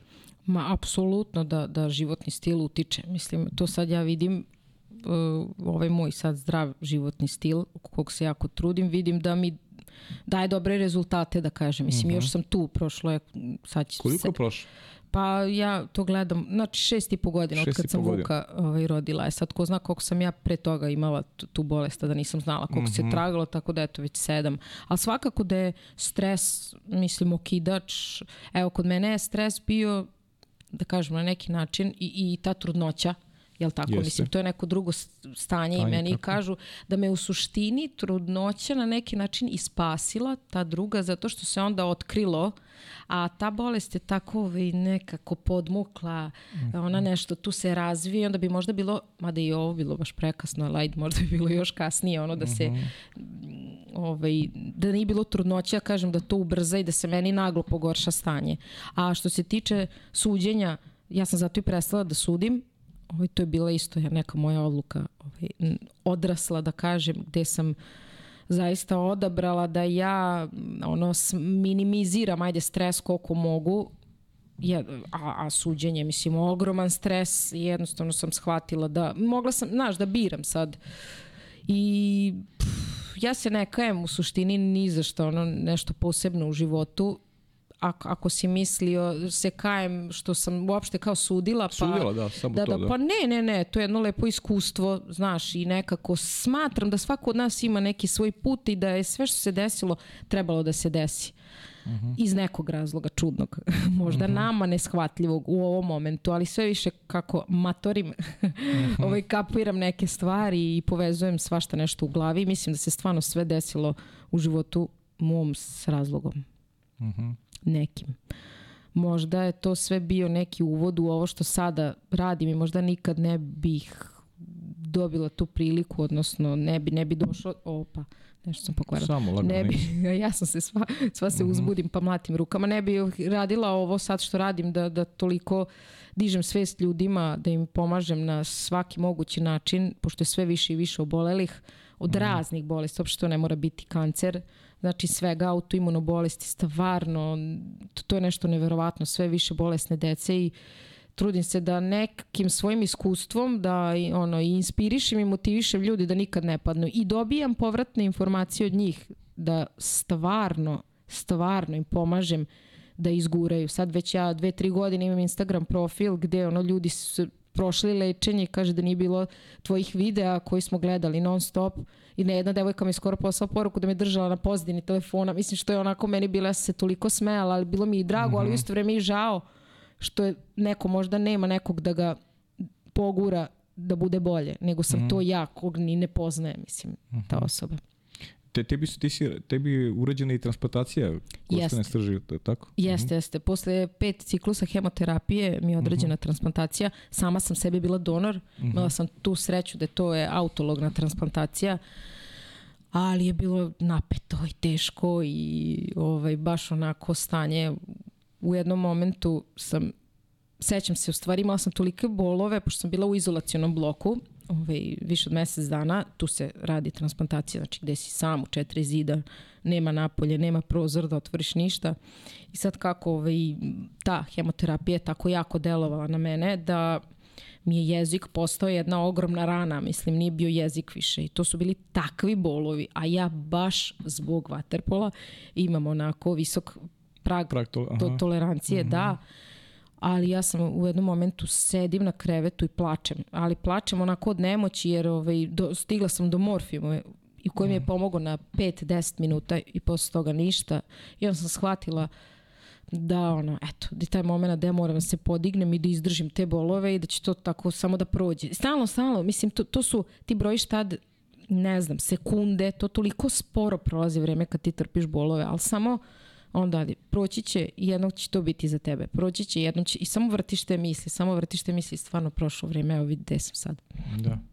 A strah, ili postoji strah, ili, se pla, ili, ili strah od smrti, ili, ili, ili postoji, Kako ne, ili, mislim, ili konstantan, ili... Ne, ne, ne, ovaj, tada mislim ono kao, mada nisam razmišljala sad u tom momentu, ja šta ako umrem, nekako ne treba to ni da se pitaš mm -hmm. u tim momentima.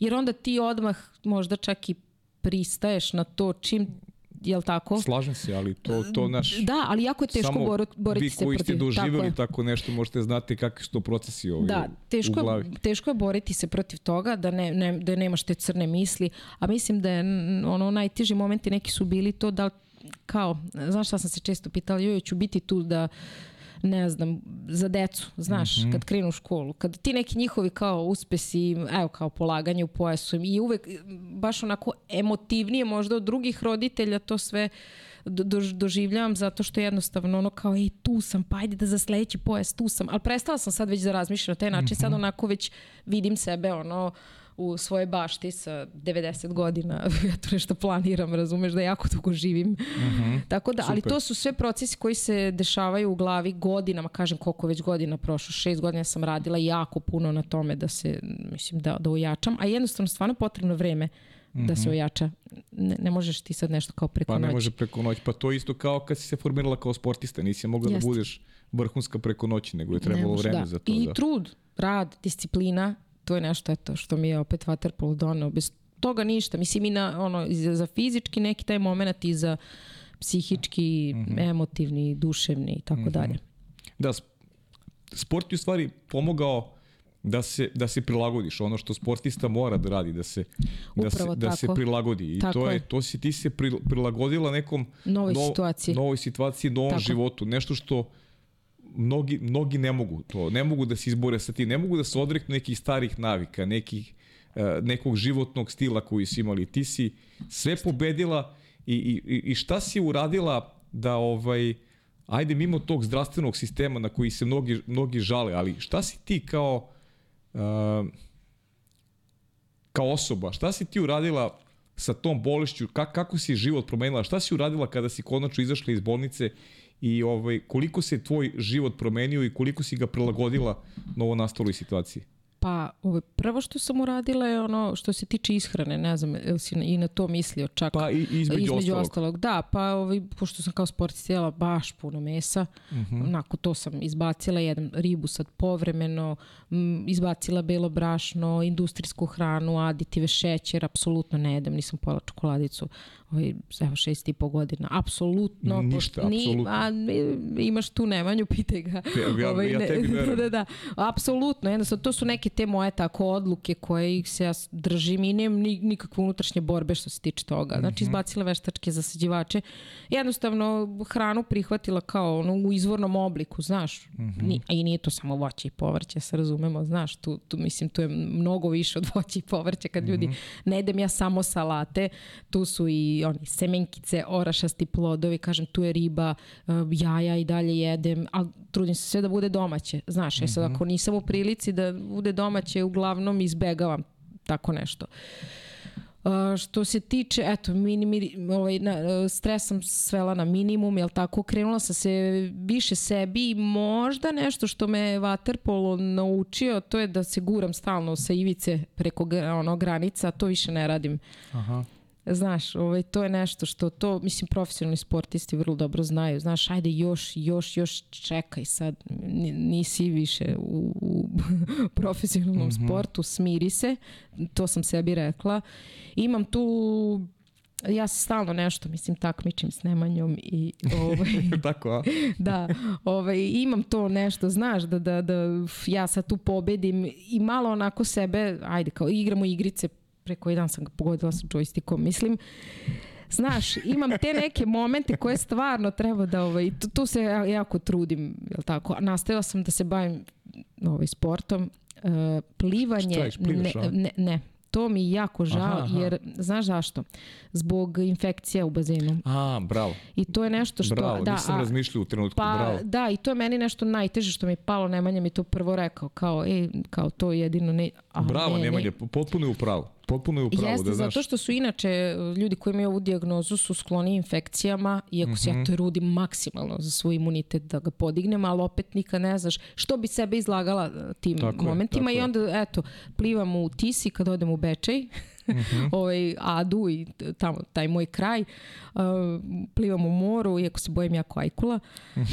to je isto neki, mislim, ono, smešno je koliko znam sve u, u vodi, ovo, ono, ali baš imam strah od ajkula, pa kao nešto sa decom, znaš sad. I to su mi neki momenti, jednostavno, jako mi je žao to, ali idem u teretanu, Dobro, ovaj, trudim se tu da sa Nemanjom isto ovaj, fizička aktivnost. da, fizički, na bilo koji mogući način. Vozimo i biciklove, stvarno se trudim pokret, pokret stalno. Evo, uskoro se selim i u kuću i planiram sebi baštu, Bravo. jel, tako da zasadim. To je neki ovaj, moment novi u mom životu i, i imam tremu već, ajde da kažem, ali mislim da će to biti sve okej. I to ti to ne nešto, znači ti stalno moraš biti u nekom pokretu. Mislim, evo koliko mi sedimo, mora taj moment isto da se obriše iz naših života, da svuda se trudimo da idemo peške, peške, peške i tako. Mislim, priro, odlazak u prirodu, jednostavno ne obazirem se na te neke da kažem, sitne stvari koje su znale pre baš da mi pokvare kao dan. I onda onako shvatam i kao ajde, oko čega se ti nerviraš. To je nešto, ali da, da li je potrebno, pričali smo pre podcasta, da li je potrebno da ti se desi tako nešto To je bilo moje sledeće pitanje Eto. baš. Mm, Pa nekome da, evo meni u mom slučaju potrebno je bilo da me nešto ovaj, drmne, da se malo ja trgnem i da promenim. Ja sam to stvarno smatrala kao poziv za promenu. mhm. Znaš, da se okrenem više sebi. Ovaj, i, i- a, a sad opet nekome, to smo isto spominjali, nekome nije dovoljno ta, ta opomena, Opomena, životna. mm. I jako mi bude žao i ja se trudim da eto putem Instagrama, bar putem i ostalih ovaj, društvenih mreža, da ih ono kao i, mislim, i onda mi se javljaju zdravi ljudi, stvarno skroz zdravi ljudi koji ono kao su shvatili, znači oni su dostigli taj moment koji sam ja tek kad sam se razbolela i jako mi bude drago zbog toga. Redki su ljudi, ali ima ih kao, ej čoveče, u stvari shvatamo koliko ovaj život vredan. Jest, jest. Ne, ne, neko to ne shvati na vreme. Znaš kako ja gledam? Neko dobije opomenu, pa reaguje na opomenu. Ti si dobila ne opomenu, ti si dobila ono poziv za uzbunu, ono bukvalno ono ono ne, ne ja ne znam, ovaj to je ova priča ne znam ovakve priče istino ono i, i naježio sam se dok sam te slušao i onako naviru i emocije ovaj definitivno šta si sve prošlo mogu samo da zamislim a ovaj i, i, i to, to je neka poenta cele priče, važnije od svega, da, da, da, da ljudi prepoznaju moment kada treba povući ručnu i reći Jeste. ovaj, ne može da se živi istim intenzitetom ceo život. Mora neka da se neka opomena mora da se ovaj reaguje na opomenu i da se kaže "Ej, dosta je bilo ovaj ako Jeste. hoću sebi da produžim ovaj životni vek. Pa očigledno da je ta opomena došla zato što si ti nešto, mislim, naravno da tu ima sad i ovo bombardovanje što je bilo i znaš ti neki spoljni faktori, ali ajde da kažemo ove, mm -hmm. ove jer se dešava, mislim da ljudi čak i žive nekim zdravim životnim stilom, ali je, na primer, možda taj unutrašnji deo, jel tako, stres Bravo, taj neki. Tako je, nemir neki koji postoji neki, u čoveku. da, i mhm. očigledno da je to došlo da bi ti nešto promenio, znaš. Mm -hmm. ovaj, ja, ja to tako gledam. Eto, tu, tako, tako smatram da je ta opomena došla do mene da, da bi ja nešto promenila, a najverovatnije je to baš ono što da povučem ručno i da, znaš, ni, ni, nisi u vaterpolu i dalje, alo. Mm -hmm, tako. Mm -hmm. Pero, može još jedno pitanje? Imamo, mislim, još dva. Studiju pre svega za gošću. E, Staša, nadam se da si dobro. Ovaj, volao bi da mi kažeš e, koje najlepše trenutke pamtiš za vreme igranja u Tašu 2000 i koje najlepše trenutke pamtiš sa reprezentacijom. Ovaj, ljubi decu i nadam se da se vidimo, ovaj, čujemo i vidimo uskoro. E, Gaga. Da, za. Staša, Staša mi je ovaj, nadimak inače, Aha. da, ovaj, ta, tako me svi znaju iz Bečeja i na Waterpolu. Ovaj, koji su to najbolji momenti igranja u Tašu? Pa ja iskreno, ako se misli na Waterpolo, Ove, ali ne verujem da je na to mislila. Ja pamtim jako, jako dobro druženje. To mi je onako nešto što kaže, spominjem uvijek svoje deci.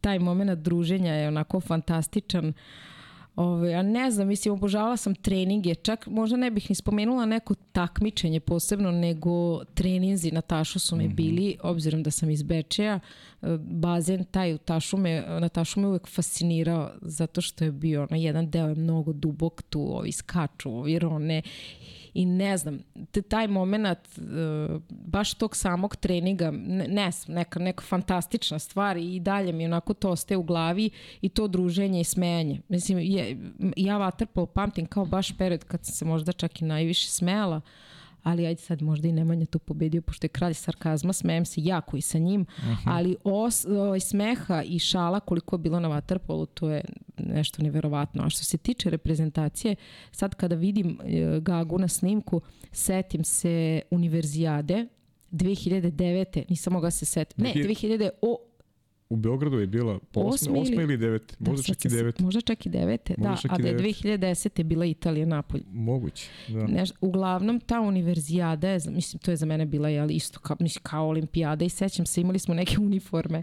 ovaj, neke bele suknjici, nešto i Gaga baš nije bilo oduševljena time. Ove, ali da kažem da mi je univerzijada onako baš bilo, bio, tu smo bili u Belvilu, reprezentacije, sportovi, uh, vidiš da ja mislim, naravno da ja pamtim takmičenje s Waterpola, ali na kraju, znaš, nisu ti, što je i rekla Ivana, nisu te medalje, nije to što smo osvojili, nije to taj, te same utakmice koliko mi pamtimo neke situacije, ne, ljude, drugarstvo i mislim da je to ono što ti u stvari ostane najviše od sporta. Mhm. -huh. nego ti neki, kažem ti, golovi, nagrade i tako dalje. Uh -huh. Eto, univerzijada mi je možda, kažem, bila naj, najslađi moment na Waterpolu. Mhm. -huh. Super, hvala Gagi na, hvala. Ovaj, na, na, video, ovaj, na video uključenju. Uh, moram da te u sve to, ne znam, ajde pričat ćemo još ovaj, uh, vezano za, ako nisi rekla, ovaj, vezano za, za, za sve to što ti se dogodilo, moram da da ti se negde i zahvalim ovaj, u ime mnogi koji su pisali na knjizi koju si objavila Imunimanija, gde si ovaj, podelila neke recepte ovaj za, za zdrav život, za ovaj kako neko može eto i svoje telo uz pomoć uz pomoć ovaj uz pomoć tog ajde da kažem zdrave ishrane da šta te šta te inspirisalo ovaj jako lepo što si to uradila ali gde si pronašla eto da kažem neki neki motiv da sedneš i da to ovaj da staviš na papir i da to podeliš sa ljudima? Pa to je bilo, uh, ja sam, znači kako sam ja sad odlučila da, da se tako i tako hranim, kao što sam rekla, i ja sam sad već izašla tu iz bolnice i onda je bilo, bio moment kad ću ja sama sebi da pripremam hranu, uh mhm. -huh. gde ono sam imala, kažem, i ne, neuspele recepte i svašta nešto, isprobavala ovo, ono, mislim ja sam upoznavala isto sve te neke kao namirnice, kako se one uklapaju da ne bude bez šećera, pa znaš, sve ti to moraš uh -huh. da mhm. probaš i tako vremenom jednostavno ja sam kreirala recepte i objavljivala sam ih na Instagramu i ljudi su počeli da su, ono, baš im je bilo onako, još te dobro, još te dobro, i su oni meni pisali, ej, kao, ajde nas mrzi da mi, ne znam, ovaj, screenshotujemo ili šta već da radimo, da čuvamo, ajde, kao, što ne napišeš knjigu? I ja sam stvarno bila u fazonu, kao, daj, ljudi, nemojte se zezati s tim, kako ja knjigu i na kraju ja napišem knjigu. Mislim, pošto sam ja radila u fotolaboratoriji, mm -hmm. uh, ono kad sam pričala sam radila, ja sam tu naučila zanat Photoshop, je, tako da sam ja uh, celu knjigu kreirala sama, fotografisala, pisala sve recepte, Bravo, da. da, i ovaj, jedino mi štampari odštampala knjigu. I ne znam, i Nemanja me naravno maksimalno podržu u tome. Jedan sam napisala i drugu knjigu, Smutimanija, sve nam je samanija. Da, da, da. Stvarno, ima ovaj, Smutimanija, da, da, da, enciklopedija 100 šejkova. Znači, samo te pitam, ili ima da, ima, ima da se, ima da, da ima da se kupi? Pa, kod mene na Instagram stranici, pošto mi je web sajt još da, da, da, da, da, da, da, cancer.influencer. Dobro. Ovaj, tamo može se poruču inbox da mi pišu ljudi ljudi. I ovaj, eto, tako ja planiram još knjiga i, ovaj, i kažem, onako dobijam dobar feedback, ljudi baš budu srećni što na, za malo para, pošto nisu neke izmišljene neke nove mm -hmm. namirnice, za malo para, za malo vremena mogu da naprave nešto što je zdravo i da zamene ovu čitavu industriju, ove aditive i ljudi se bre osjećaju bolje, to mi je super. Je. To je naj, najbitnije, u stvari to je moja misija i cilj. Javljam svega. se da kupim knjige, da znaš. E, dobro, dobit ćeš ih. Ne, ne, ali hoću da ih kupim, da znaš. Dobro. Inače, da kažem da od prodaje knjiga se odvaja novac i uplaćuje se, to već godinama radim za bolesnu, najčešće decu, naravno kome je hitno potrebna svaka pomoć. Svaka ti čast. E, eto ti, znači, kupujem knjige, to je Dobro. super, to je svaka čast na, na, na svemu, na svemu što radiš, fenomenalno, zaista. Ovaj, Uh, a kaži mi kako da, da prepoznamo sada, to je sa, ili veruješ u alternativu, to ste da ti pitam? Pa nema što tu da se veruje, to je mislim ono kao to je to. Ne, mislim, Medicina plus alternativa, da, mislim, da, da, to je, da, svakako, da, da, da. Uh mhm. -huh. Mislim, što da ne, sad opet koja i kako, to već ljudi moraju na svoj koži da isprobaju mm -hmm. kao što sam i ja pokušavala svašta nešto. Mislim, alternativa, to je tako mi je žao što se uopšte koristi ta pa, reč, da, ali mislim da dobro se ti pa, da, da, da. izrazio, mm -hmm. nego mi je žao što je to alternativa. Mm -hmm. A u da. stvari da. bi to trebalo da je, mislim, ne znam, da, da se kombinuje sa ovom sada medicinom. Pa to, kombinacija, da. I da, ali i žao mi je što is, znaš, što medicina, ova sad zvanična, isključuje taj neki moment, a stvarno to sve kad se da kažem, ovaj, iskombinuje daje onako odličan rezultat tebi je pomogla baš ta simbioza, ili tako? Da, jest, da, znači, jest. ne možeš da kažeš sve, sve mora, mora da bude vezano. Da, ne mora može da ono kao, vezan. kako si ti izle, mislim, ne, da, ne kao ide hemoterapija to... i ja sam sad u redu. Da, da, idem da. dalje, idem sad pijem Coca-Cola i ne da, znam.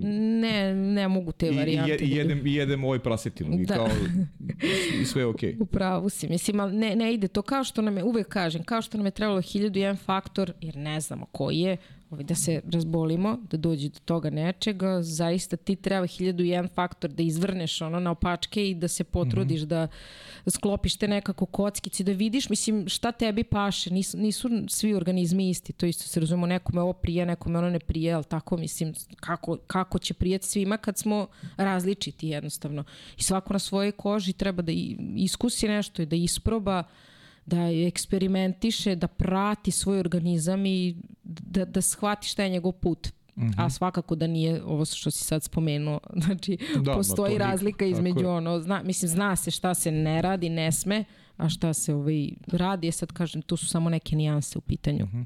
Kaži mi, rekla si kancer influencer, tako, to je tvoja zvanična stranica. Tako je. Ko ti se javlja, šta sve radiš?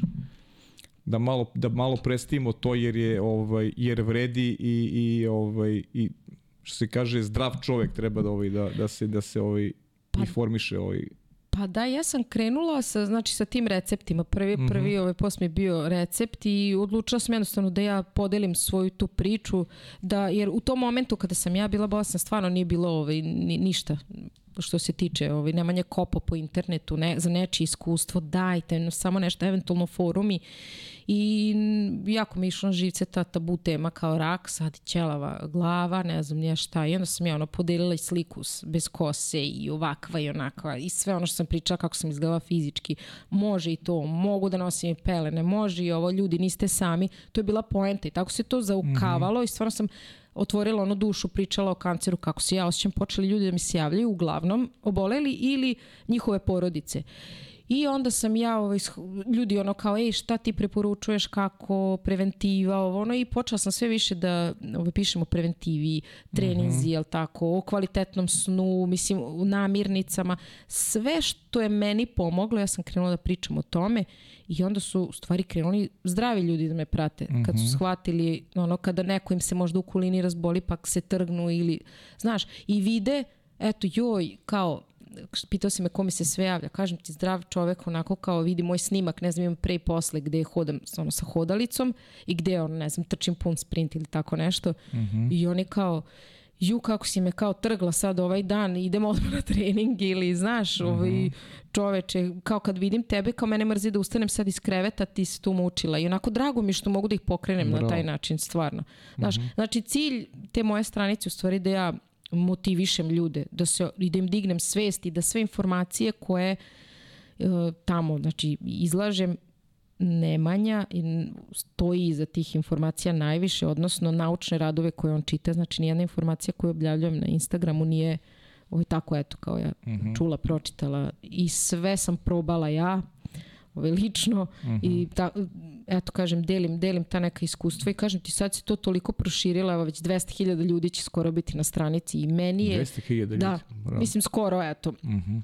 Deli me par hiljada, ali hoću reći, u isto vreme mi je i žao što je toliko ljudi, znaš na šta mm -hmm. mislim, zato što onda Jasne, znači da ima puno bolesnih, a mislim ne prate mi samo ljudi iz Srbije, to je, to je ono ceo Balkan, razumeš, mm -hmm. i mhm. naši ljudi po celom svetu, a s druge strane mi je jako drago jer je to neka onako baš jedna moćna zajednica gde imamo projekte razne i trudimo se, jednostavno dignemo svest u Srbiji najviše. Znaš šta mi se strašno dopada, što ja, ja generalno tako živim, ako uh, imaš neki problem, podeli ga. Ja sam taj koji voli da podeli problem, jer ako ne podeliš problem, ne možeš da dobiješ neku povratnu informaciju oko toga kako da ga rešiš, jer nažalost ljudi su mnogi učaureni i imaju, ne znam, da li ih je sramota, da li Al, da podele neki, neki problem i onda, i onda ne shvataju da, da na taj način ulaze samo u, u, u veći još problem. problem da. da. Ali to je, mislim, malo i kriva ta naša neš, naš neki mentalitet, okolina, znaš šta će ljudi reći, to, to mi je ono, koga briga šta će ljudi Tako reći, je. mislim, ono, čoveče, ti si ti, znaš, nemoj da se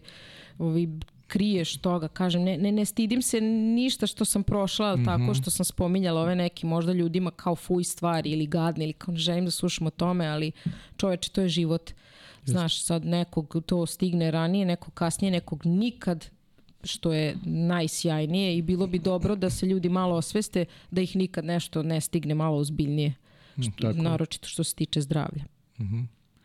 Pričala sam im pre početka, ajde da, da pomenemo to, to je i, i Nemanja se dotakao sad već u nedelju imate neko, ima neko, da. neko okupljenje, volio bih malo da, da, e, da ispričaš o tome. Pa događaj se zove Probudi se, jel? Mm -hmm, mm -hmm. Ovaj, ishodno ovom svemu što smo pričali, gde, o, to je događaj u stvari zdravog životnog stila, gde ja sve što radim na Instagramu sa još jednom devojkom Marinom sa profila Diamara Makeup, koja se trudi sve to da radi vezano za kozmetiku, mm -hmm. što je mhm. isto jako bitan ovaj deo, na primjer, koji nismo da, da. spominjali, jer je opa, opet ja, koža je naš najveći organ i mislim upijamo svašta, svakakve toksine i sad, a svega ima u kozmetičkim proizvodima, žene su poznate po tome se mackaju non stop. Mora samo ću da te da. prekinem. Znam, znam ovaj, ženu koja imala problem ozbiljan od dezodoransa koji je Tako stavljala je. pod mišku i jeste. baš imala ozbilj, ozbiljan, pa da, ozbiljan pa jeste, zato što, ovaj, da, da, pa ti sastojci neki onako čak su pronađeni u uzorcima od raka, kad dobiju žene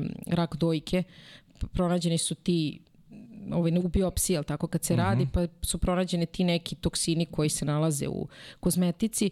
I onda se mi na tom događaju u stvari trudimo da sve što, što radimo na Instagramu da prenesemo ono kao, ali samo uživo, mhm. -huh. gde ćemo imati jednu vrstu, pa kao nek, neki razgovor koji ja, ja i ti sad ovde ovaj, vršimo, samo sa mnogo, mnogo ljudi, jel tako, koji će učestvovati, kao neka debata o kojoj ćemo pričati o svemu i svačemu, a tiče se teme zdravog životnog stila.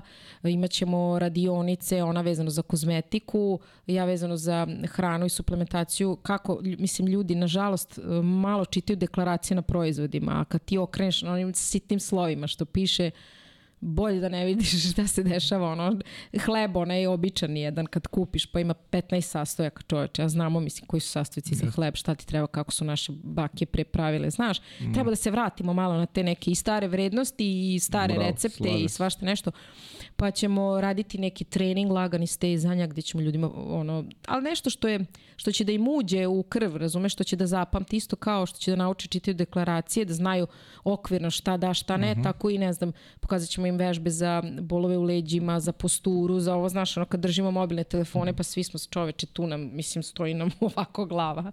Znaš, i, i, i upoznaće i mnoge brendove koji su onako, isto imaju neke svoje prave, kvalitetne vrednosti i tako dalje. Biće svega i nagrada. Ove, u nedelju se održava Uh, sad ću da kažem, to je 21. maj jeste, od 11 do 18 časova mm -hmm. ćemo se biće fantastične hrane, to isto zdrave naravno, Zdrave hrane, tako ali jako ukusne. Neće biti prastine, odmah Neće znate. biti prastine, da.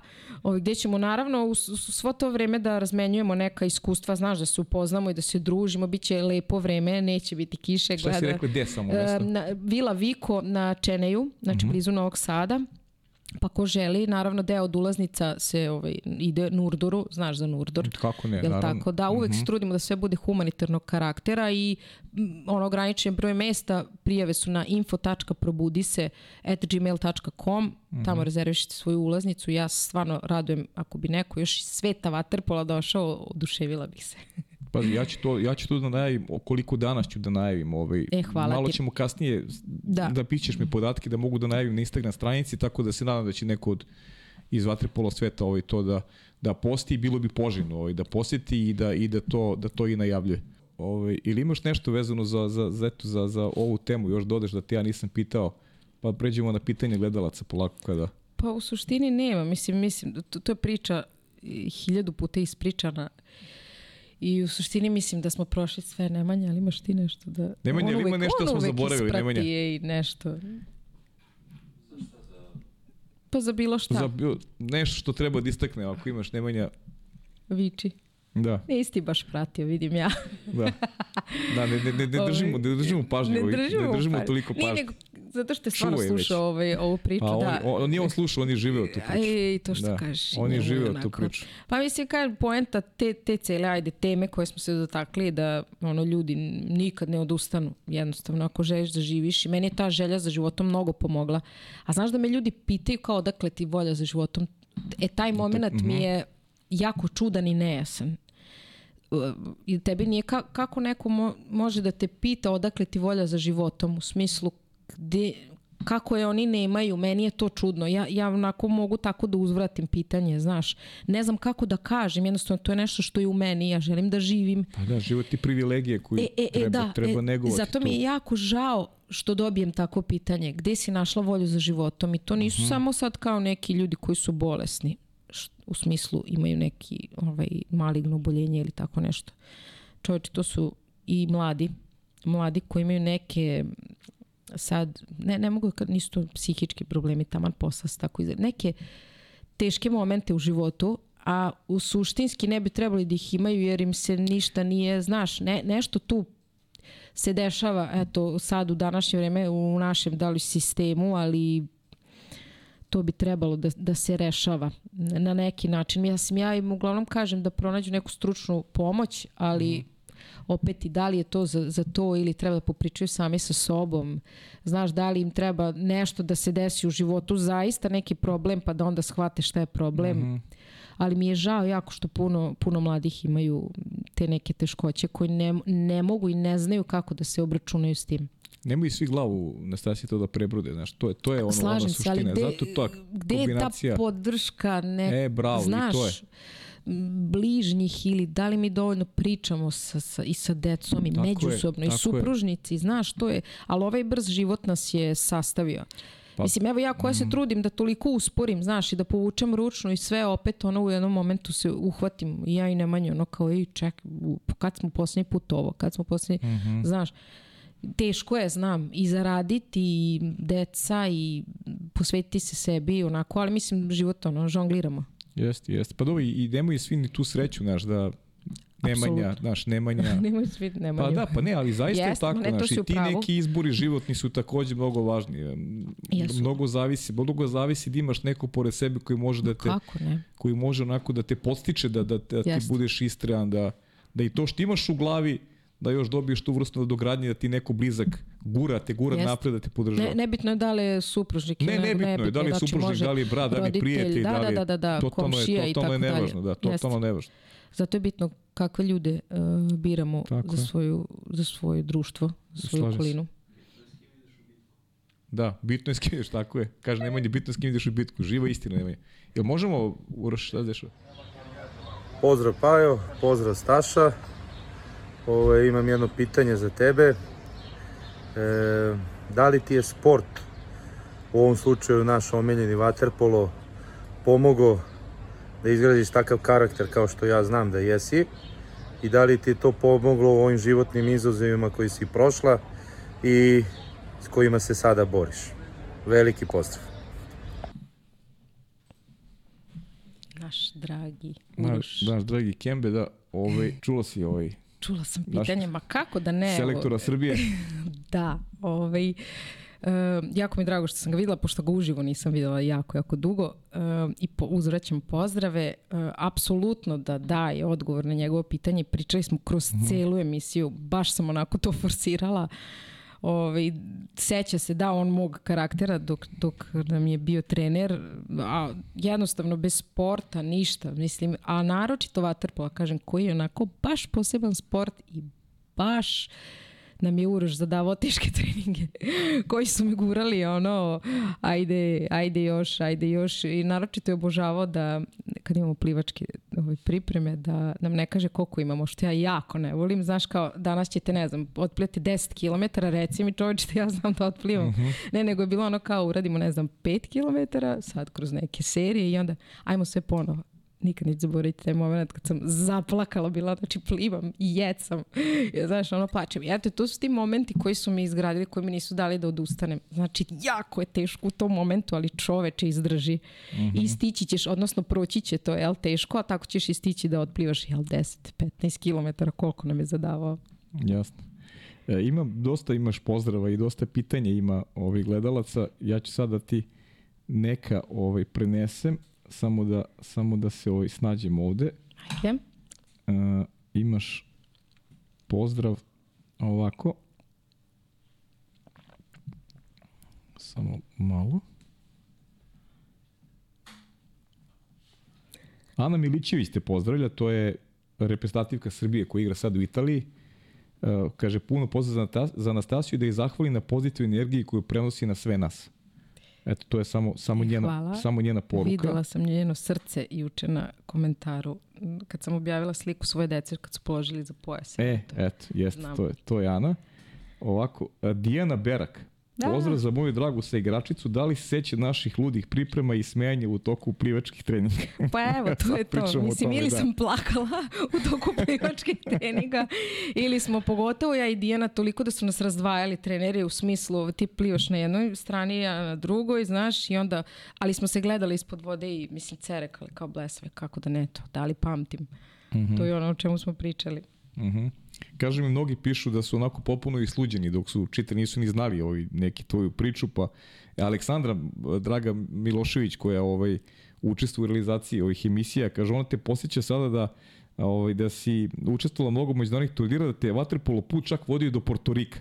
Jeste, rekla sam ja da smo I- proputovali ceo Ali svijet. Porto Riko, kakvi, aj, pitate, kakve, kakve je, ovaj, unosiš uspomene ovaj, na Porto Riko? Tamo smo bili baš dugo, mislim dve nedelje, čini mi se, uh, Zoran Kontić nas je vo- vodio Mhm.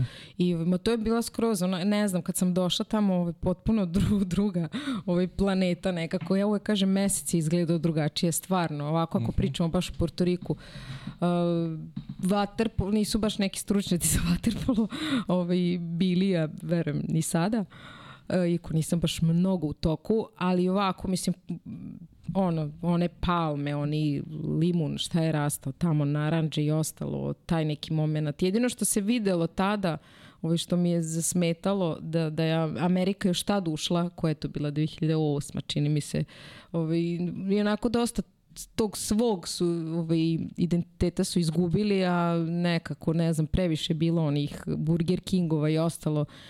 Žene im nisu lepe, ne znam odakle im Jennifer Lopez, muškarci nisu muškarci, ovaj, tu su neke ne znam, mislim polumuškarci čudni sa nekim, svi su imali duge nokte, to, toga se pamtim, ne, toga, to pamtim, tako da ali ovako, mislim, fantastični neki bazeni, imali su baš dobre uslove za treniranje. Ove, ovaj, malo ludo, mislim, onaj okean, baš, baš je bilo, isplatilo se što smo otišli. Dobro. Dalje. Dalje. Vidim, čitam, znaš, gledam sad vidim nešto što ovaj, nismo ovaj, možda dotakli, pošto mnogo stvari smo dotakli kroz, kroz emisiju. Da vidimo Da, imaš mnogo poruka da ti se, da ti se dive mnogi, da se dive tvoji snazi, neustrašivosti, borbenosti. Uh, ona je za mene prava heroina, kaže Aleksandar Milošević. Uh, kako si uspela, kako uspela se izbori sa odvojenošću od dece koju je Uh, koliko ti eto, to je još jedna ako baš verujem i bolna tema. Ali... Jeste, kako mm. ne. Pa da, pa ja Vuka ovaj, nisam uopšte držala, uopšte ga nisam ni pipnula, da kažem, posle porođaja, samo su ga u šok sobu doveli, bio u inkubatoru mm -hmm. i mhm. to je to. Videla sam delić njegove noge, odveli ga u dečju bolnicu, kažem, Nemanja ga posećivao tamo i on isto nije mogao da ga takne, ovaj, tako, doveo ga je, mislim, ono ubrzo kući, nije Vuk dugo bio tamo, ali mislim, kad sam ja sam bukvalno dete svoje upoznala uh, posle par meseci negde, ali tako, on se rodi u decembru, ja sam u martu, mislim, prvi put došla kod kuće, tako nešto. Mm -hmm. Mislim, to je bilo onako baš, i čerku isto od godine, ona je tad u stvari napunila već, ja mislim, dve godine, jeste, da, i onako, bi, oni mali, to su bebe, ovaj se tek rodi, ona je, mislim, znaš, ono, šta je dve godinice i baš je bilo, ali koliko su mi davali, koliko mi je bilo teško, toliko su mi davali oni snagu. Znaš, mm -hmm. samo da se ja mhm. vratim njima kući i Nemanji, samo da se vratim kući, to mi je bilo onako, nekako smatrala sam da ja prvo sebe treba da popravim i ja da ozdravim, da bih ja bila tu za njih. Jer šta, kako im ja vredim, mislim, ako im nisam zdrava. I sad se vodim takvom politikom. I, i čak onako često ja nekako sebe, kako to da kažem, nije da stavim u, u prvi plan sebe, nego ne dozvoljavam da se zapustim na taj neki način zdravlja. Znaš, onako da nekad majke hoće da pretiru, pa sve dece, naravno sve deci, da, se, ne, mm -hmm. da me ne mhm. shvatite pogrešno, yes. ali čekaj, znaš, to mi i Nemanja me par puta onako pomene, e, alo, pa... Granica neka Granica, znaš, mm. baš zato što ja posebno, zbog toga što mi se desilo, moram više da vodim računa o svemu, o svom imunitetu i tako dalje. I, I oni su isto naučili što sam i žela da ih naučim, da treba da me onako sačuvaju na neki način, znaš, da im, mm -hmm. znaš kako neka deca ono, ma mama šta, mama može sve, mama može, ok, sve, ali čekaj, nemoj da testiramo moje granice, razumeš? Tako da, ovaj, eto, kažem, bila su mi onako, bilo mi jako teško zbog svega, ali su mi davali izuzetnu snagu. Sećam se prvog momenta kad sam došla kući, da su svi oko mene plakali, znači cijela familija, ovaj, znaš, ono to je bio baš moment jako težak gde sam ostala bez kose i onako čerka me mazi glavu i znaš kao još ti mama lepa frizura i tako Vuk to duše beba beba ne, ne znam za sebe ali svi su plakali ja nisam ja sam posle plakala da me ne vide deca znaš to je mm -hmm. neki moment koji stvarno nisam dozvoljavala sebi što bi mislim im taj neki rano to odrastanje, ja, da me pamte nešto. I jer ja smatram da deca, ajde, ne pamte u tom tako malom uzrastu neke situacije, reči, ali pamte tvoje emocije. Kako da Aha. da kažem? Ja mislim Jasne. da, da uh -huh. ja mhm. sam ubeđena da njihova neka ta unutrašnja inteligencija i sve to da pamti, znaš. I nisam želala ovaj da, da prvo što vide, da vide suze na meni. Uh mhm. -huh. Eto. Lepo. A kaži mi kako izgleda tvoj dan? To je još jedno pitanje Aleksandrinu. Kako, Kako izgleda? izgleda ta, da, tvoj dan? Ovaj, šta, šta radiš tokom dana? Ovaj, uh, kombinacija, šta jedeš? E, da, pa. Koliko puta treniraš sada nedeljno? Pa ovako, s, uh, suštinski, pošto naravno da nam se razlikuju dani, jel tako? I sad smo, i, kažem, ovaj, i u fazi selitbe i tog ja, događaja. Ja sam vam sad potpuno ubio rutinu neku. da, so, da, da. Ovo, ne, ovaj, pa ajde da kažemo neka rutina koja kad uh mhm. -huh. nije ovako, kad nisu vanredne situacije kao ova selitba i tako to, rutina je da ono, ustanem, znači ustajem rano ujutru, jednostavno život je prekratak da bi ja spavala mm -hmm. to kasno. Mislim, još sam majka dvoje male dece, pa nema tog nekog kao spavanja i stvarno, ono, jedno vreme sam ustala u pet ujutru, ovaj, pošto e, Nemanja prati košarku, Kobe Bryant, on je imao taj neki, Aha, znaš, koji je, sta, da, mm -hmm. koji je stalno tvrdio tako da, ono, ustaneš u pet ujutru i onda ti uradiš to nešto što, što drugi nemaju eto, sat, da. sat vremena, ali tako godinama kad ustaješ, mm -hmm. onda stižeš pre svih da uradiš nešto. Mm -hmm. A kad legneš onda ako ustaneš? I legne, ne, ne legnem uopšte, ne spavam popodne, Nemanja spava, ovaj, i legnemo u neko normalno vreme, tipa oko 10, da sam ono, ja sam već koma, mislim. Mm -hmm. De, decu sredim za krevet i onda ono, mi još malo nešto kao gledamo neke zanimljive ove serije, slušamo, gledamo podcaste ili da, nešto. Da, znači 7-8 sati spavanja, to je neka... Da, tako? ma to je, to je skroz okej, okay, ni ne mm -hmm. treba ono mi da se uopšte i prespavamo, ali svakako da je bitan kvalitet tog sna, je tako? I kad Naravno. ćeš ti da legneš... Uh, negde od 10, to je 22 časa do ponoći su ono najkvalitetniji ovaj, mm -hmm. najkvalitetniji san svašta nešto se tu dešava u našem organizmu što bi trebalo, sada ne zalazim u detalje, uh mhm. -huh. i da ono, imaš kvalitetan dušik, kvalitetno, ono, da, da, da ne, ne, ne spavaš u nekoj galami ili, znaš, sa svetlom i to. Jednostavno, kad je prirodu, treba pratimo. Kad je mrak, onda je mrak, razumeš? Isto uh mhm. -huh. zimi, ranije ćeš leći u krevet nego leti, ili tako? Mislim, logično je, ranije uh mhm. -huh. pada mrak. Ovi, a obroci koji su mi, znaš kako ja, stvarno mi se razlikuje iz dana u dan, ono, u suštini gledam da kasnije doručkujem, čekam da mi se probudi malo organizam u zavisnosti od toga kad sam ustala. Uh mhm. -huh. Znači neka dva sata, na primjer, nakon ovaj, ustajanja. Sad koji će to doručak biti, opet sve zavisi, da će to biti neka kaša, da ću sebi napriti neki ono, kvalitetan sendvič, sve, da ću pojesti samo neku voćku, popiti sok, stvarno, ono sve zavisi. I idemo uglavnom na trening, Nemanja i ja zajedno, to nam je onako prepodne posao, se odradi ko ima onda popodne, da kažem, posvećujemo najviše deci kad dođu iz vrtića škole, s njima se družimo, čitamo knjige, gledamo neke, mislim ne gledamo ono televiziju u pravom vremenu, da kažem, to smo i pričali pre podcasta, nego jednostavno kvalitetne stvari se trudimo njima da, da predstavimo, da ih mhm. upoznamo sa tim nekim stvarima. Onda ono, on, njih vodimo na trening, uh, Umeđu vremenu ja naravno pripremam hranu. Mislim, jako volim da kuvam. Ne mora čak to da bude ni kuvano uopšte. Volim da pripremam hranu. Mm -hmm. Znaš, i smatram da ta priprema hrane isto jako bitna je drugačije kad ti pripremiš hranu, nekako baš ti bude Sigur. fino, ali naravno da je i fino kad nam neko drugi da. pripremi, ali ono, taj kontakt sa hranom, ta energija. Znaš šta radiš. Mm. Da, i znaš šta pripremaš i eto uveče opet se čitaju neke knjige pred spavanje, baš se trudimo i onako da vratimo te prave vrednosti mm -hmm. na mhm. onim kojem smo mi odrasli, ali ovaj, akcija je, mislim, ceo dan kod nas. To je neka, kao i da kažem, rutina, ali mm -hmm. inače ludilo. Non stop smo mi u nekim poduhvatima i, i trudimo se, evo sad čekam moment kad ću se preselim u kuću, kad ću malo da, pošto mi je kuća pa njive, pa ti vidi sad, znači... Idila. Idila. Jesi o tome negde, ovaj, i to bio neki proizvod, neke tvoje i mašte i želje? I... Jeste, to je jedna moja, pošto sam podstanar od desete godine, mm -hmm. znači evo, ovo će mi biti 15. put da se selim, zapravo računala sam 15. Uf. put i poslednji ja kad kažem da ste u toj kući. I, I to je neki stres. Isto. Jeste, jeste, da. Pa razvili su mi se roditelji, da, da, da, i taj moment, eto, više nisam ni spominjala, nisam mhm. -huh. smatrala da je bitan, ali svakako mislim da to nešto utiče odnos roditelja uvek, ili tako sad bili uh -huh. u mhm. braku ili ne, to je nešto što utiče na decu, ali to je, ta kuća je moja želja, stvarno mogu da kažem životna. Uh, da ja jednog dana živim u kući i da imam svoje dvorište, priroda i nekako, zato sam govorila prethodnu podcastu da stvarno mislim da su se stvari desile u mom životu i da se dešavaju kod svih nas s razlogom.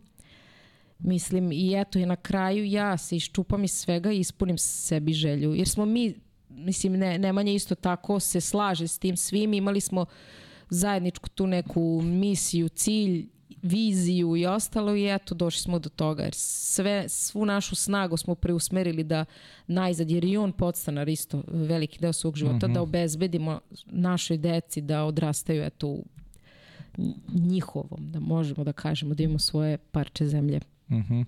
Bilo ima tu još neki par pitanja, ali mislim da bi da svoji možemo ovako i da završimo. Ja bih te Može.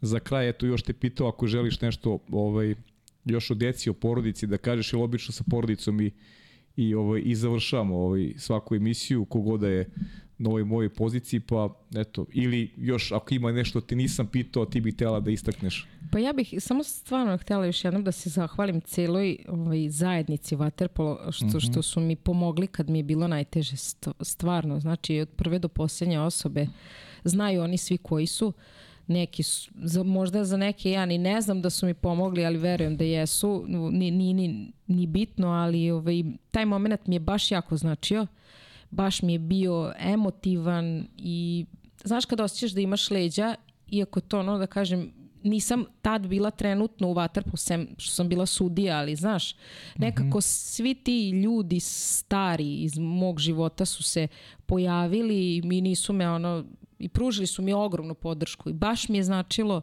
i nadam se da na ovaj način neki ovaj, ja, ja pomažem drugima, ali to je taj neki ciklus znaš, onako života, nekako to sve ide. Ja sam primila pomoć, ja sad pomažem drugima, ti ljudi će isto pomoći nekom, nadam se. Mm -hmm. Tako, uglavnom, baš hvala ljudi. Znate ko ste. to je to. Nastasija, ovaj, hvala ti puno. Velika mi je ovaj, čast što sam te upoznao. E, želim ti ovaj, jedan srećan i dugovečan ovaj, život. Apsolutno si ovaj, zaslužilo ovo je, i reći, ovo je moj omiljena emisija, ovo je 126, ovo mi je omiljeni podcast, definitivno. Ovaj, stvarno, nemam, nemam, nemam, nemam reči ovaj, kako bih, ovaj, i prepun sam ja i emocija tokom ovaj, ovih dva sata što sam čuo od tebe i način na koji si se izborila, stvarno inspirativan, verujem za sve koji gledaju, za mene takođe inspirativan. Eto, to. Definitivno jeste i kažem prvo što ću raditi je što ću ovaj, naručiti ovaj, tvoje knjige i imaš ovaj, svu moguću podršku u ime svih nas ovde koji smo unutar studija ovaj, da se eto da da nastaviš da pomažeš ljudima i da i da se ovaj tvoja da se tvoja priča čuje jer stvarno može i inspiriše definitivno mnoge ljude. Hvala, hvala puno i hvala na pozivu i ovo je moja pobeda opet, šalim se. Jest. Ovaj, e, hoću reći, jako sam se obradovala što, što sam pozvana baš u Waterpolo podcast. To mm -hmm. mi je mhm. onako baš značilo, rekao sam Nemanja idemo sigurno i baš, baš sam došla sa nekom željom da, da se opet vratim u svet Waterpola. Bilo mi je divno i nisam znala da je prošlo ovaj, dva sata, inače to je jezivo. Nemanja, hvala i tebi ovaj, što si, što si ovaj, došao sa, sa, svoj, sa svojom divnom suprugom. Ja ljudi nema šta da kažem, ovaj, sledeće nedelje se družimo ponovo, ne znam ko će biti gost, eh, pratimo ovaj finali ženskog prvenstva, Vojvodina vodi protiv Crvene zvezde 1-0, mislim da će neko iz Novog Beograda naredne nedelje biti gost podcasta, a vi ovaj, pratite, oslušajte, odgledajte ovu inspirativnu priču uh, Nastasine Dimović i malo razmislite ovaj, u kom pravcu ide uh, vaš život, i ovaj pokupite ovo ono najbolje što ste čuli ovaj iz ove predivne priče iz ove predivne emisije. Ništa, hvala na pažnji i sve najbolje.